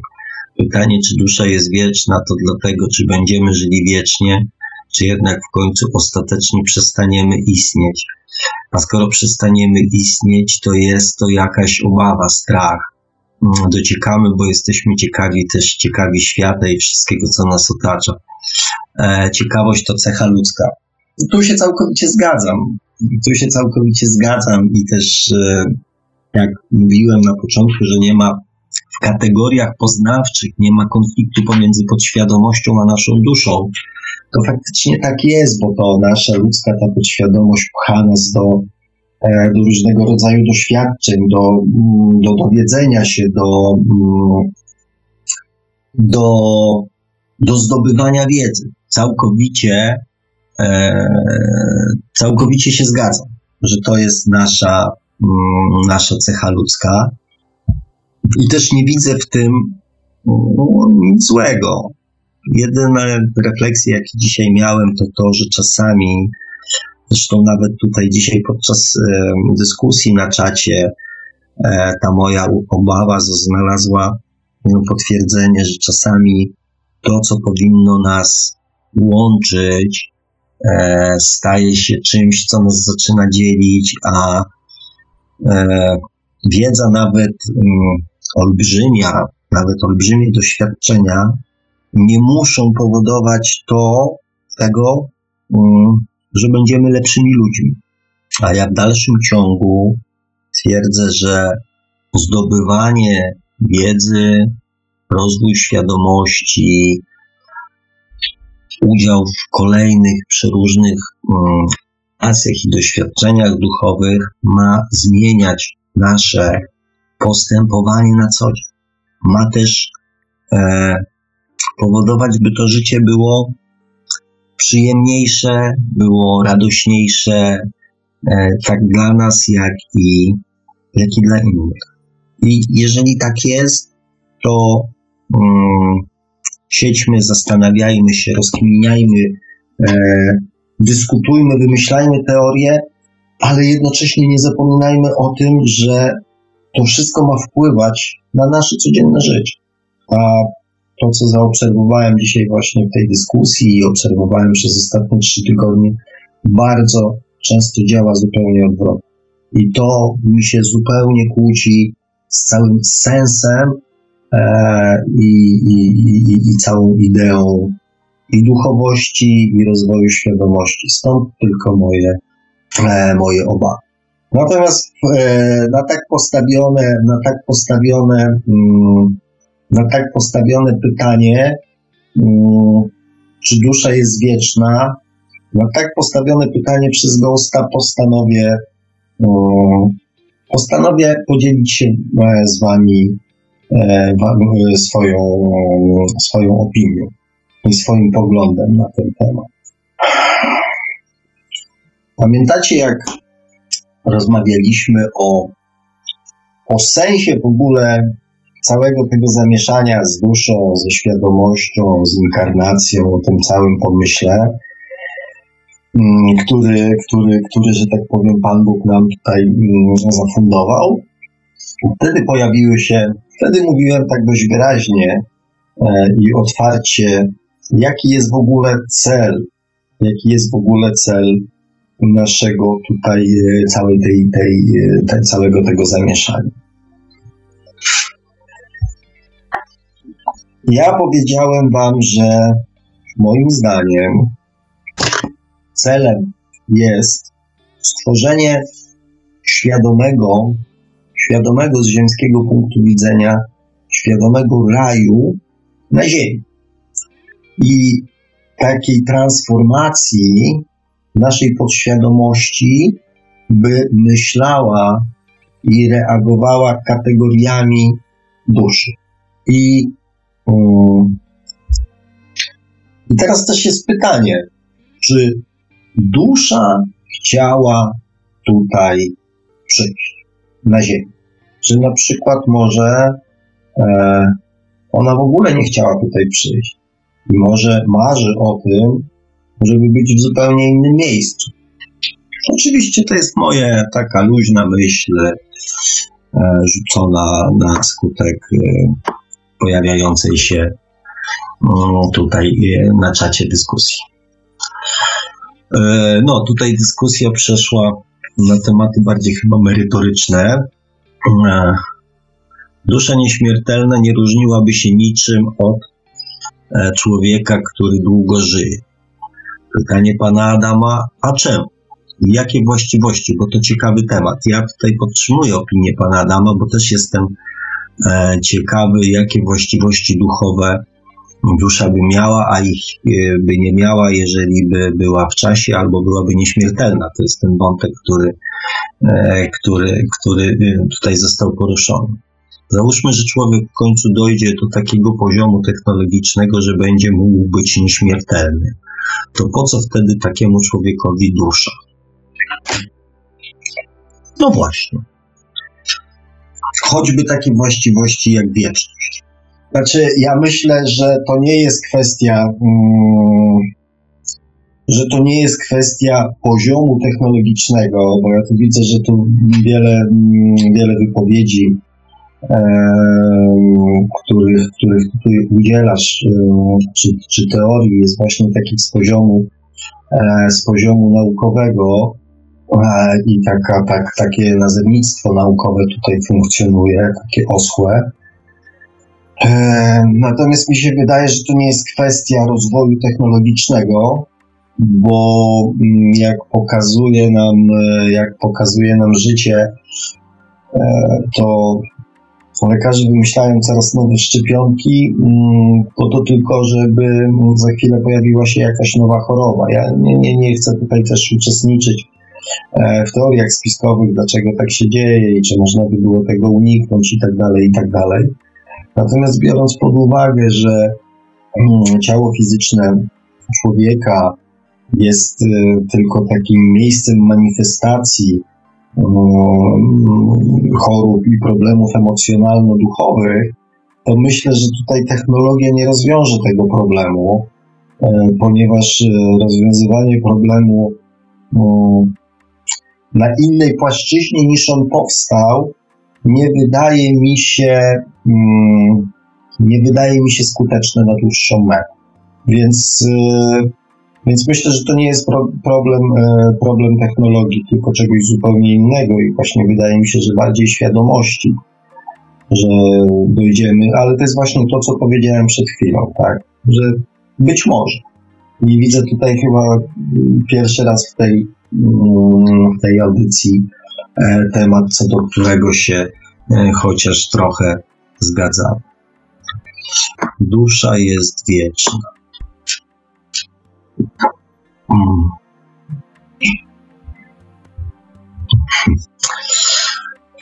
Odnośnie wieczności to lol, lol, a co do człowieka to nie rozumiem, mm, czemu nieśmiertelnemu człowiekowi już nie byłaby potrzebna dusza. Eee, no, to zależy moim zdaniem, z jakiego powodu staniemy się nieśmiertelni. Jeżeli tak jak twierdzi Nosfera, z powodu osiągnięć technologicznych, e, to, to faktycznie, e, to faktycznie taki status nie rozwiąże potrzeby posiadania duszy przez człowieka. Czas jest tylko tutaj, w tej rzeczywistości. W poza jest iluzja. No tutaj znowu wchodzimy w tematykę czasu. Bardzo ciekawa tematyka. Człowiek mógłby być nieśmiertelny, ale nie wieczny. E, nie wyjdziesz poza czas jako fizyczne coś. Człowiek jest też fizyczny. O, tu się pojawił nowy, nowy, nowy uczestnik dyskusji, Talus. Człowiek mógłby być nieśmiertelny, ale można by byłoby go zabić. E, napisałem nieśmiertelnemu człowiekowi, ale czemu? Czemu dusza przestałaby być mu potrzebna, bo do wszystkiego doszedłby sam z biegiem czasu z jakiegoś innego powodu. nosfera. No, ale nie mógłby być wieczny, bo jest też materialny. Ale w dalszym ciągu nosfera nie odpowiada na pytanie pana Adama, albo odpowiada. Jeśli dusza nie byłaby wieczna, tylko nieśmiertelna, to stałaby się zbędna z momentem, w którym człowiek stał, stał się, e, w którym człowiek stałby się też nieśmiertelny. No nie wiem, czy takie jest założenie, że tak powiem, duszy. Po co ona wtedy, na szczęście, człowiek wieczny stać się nie może. E, ja nie wiem, czy to jakby jest takie założenie, że, mm, że dusza odpowiada tylko i wyłącznie za, nie wiem, nasze mm, funkcje życiowe. Bo tak do tego chyba się mm, tutaj, e, do tego się tutaj w tej dyskusji to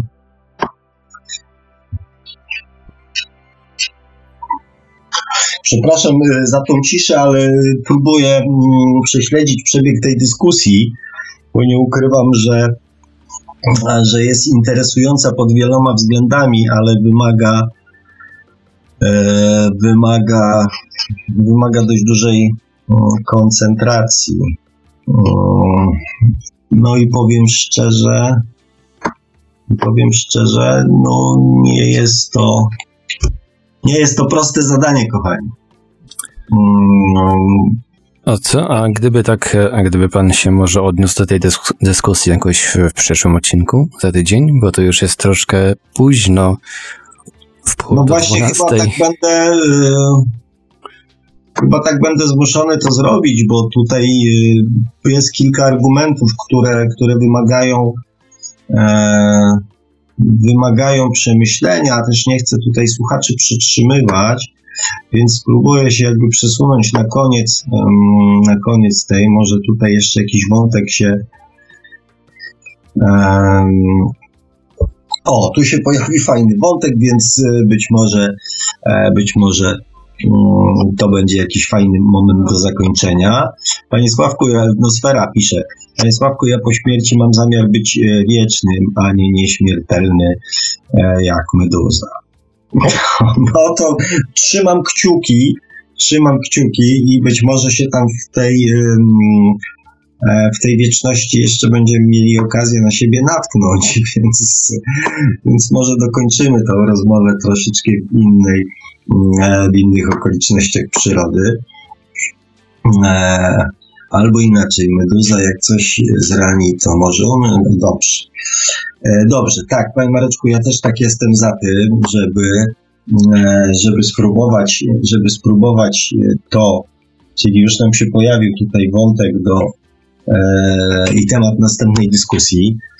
E, faktycznie, kurczę, to jest pół do dwunastej już w nocy, znowu się rozgadałem. Na szczęście nie sam.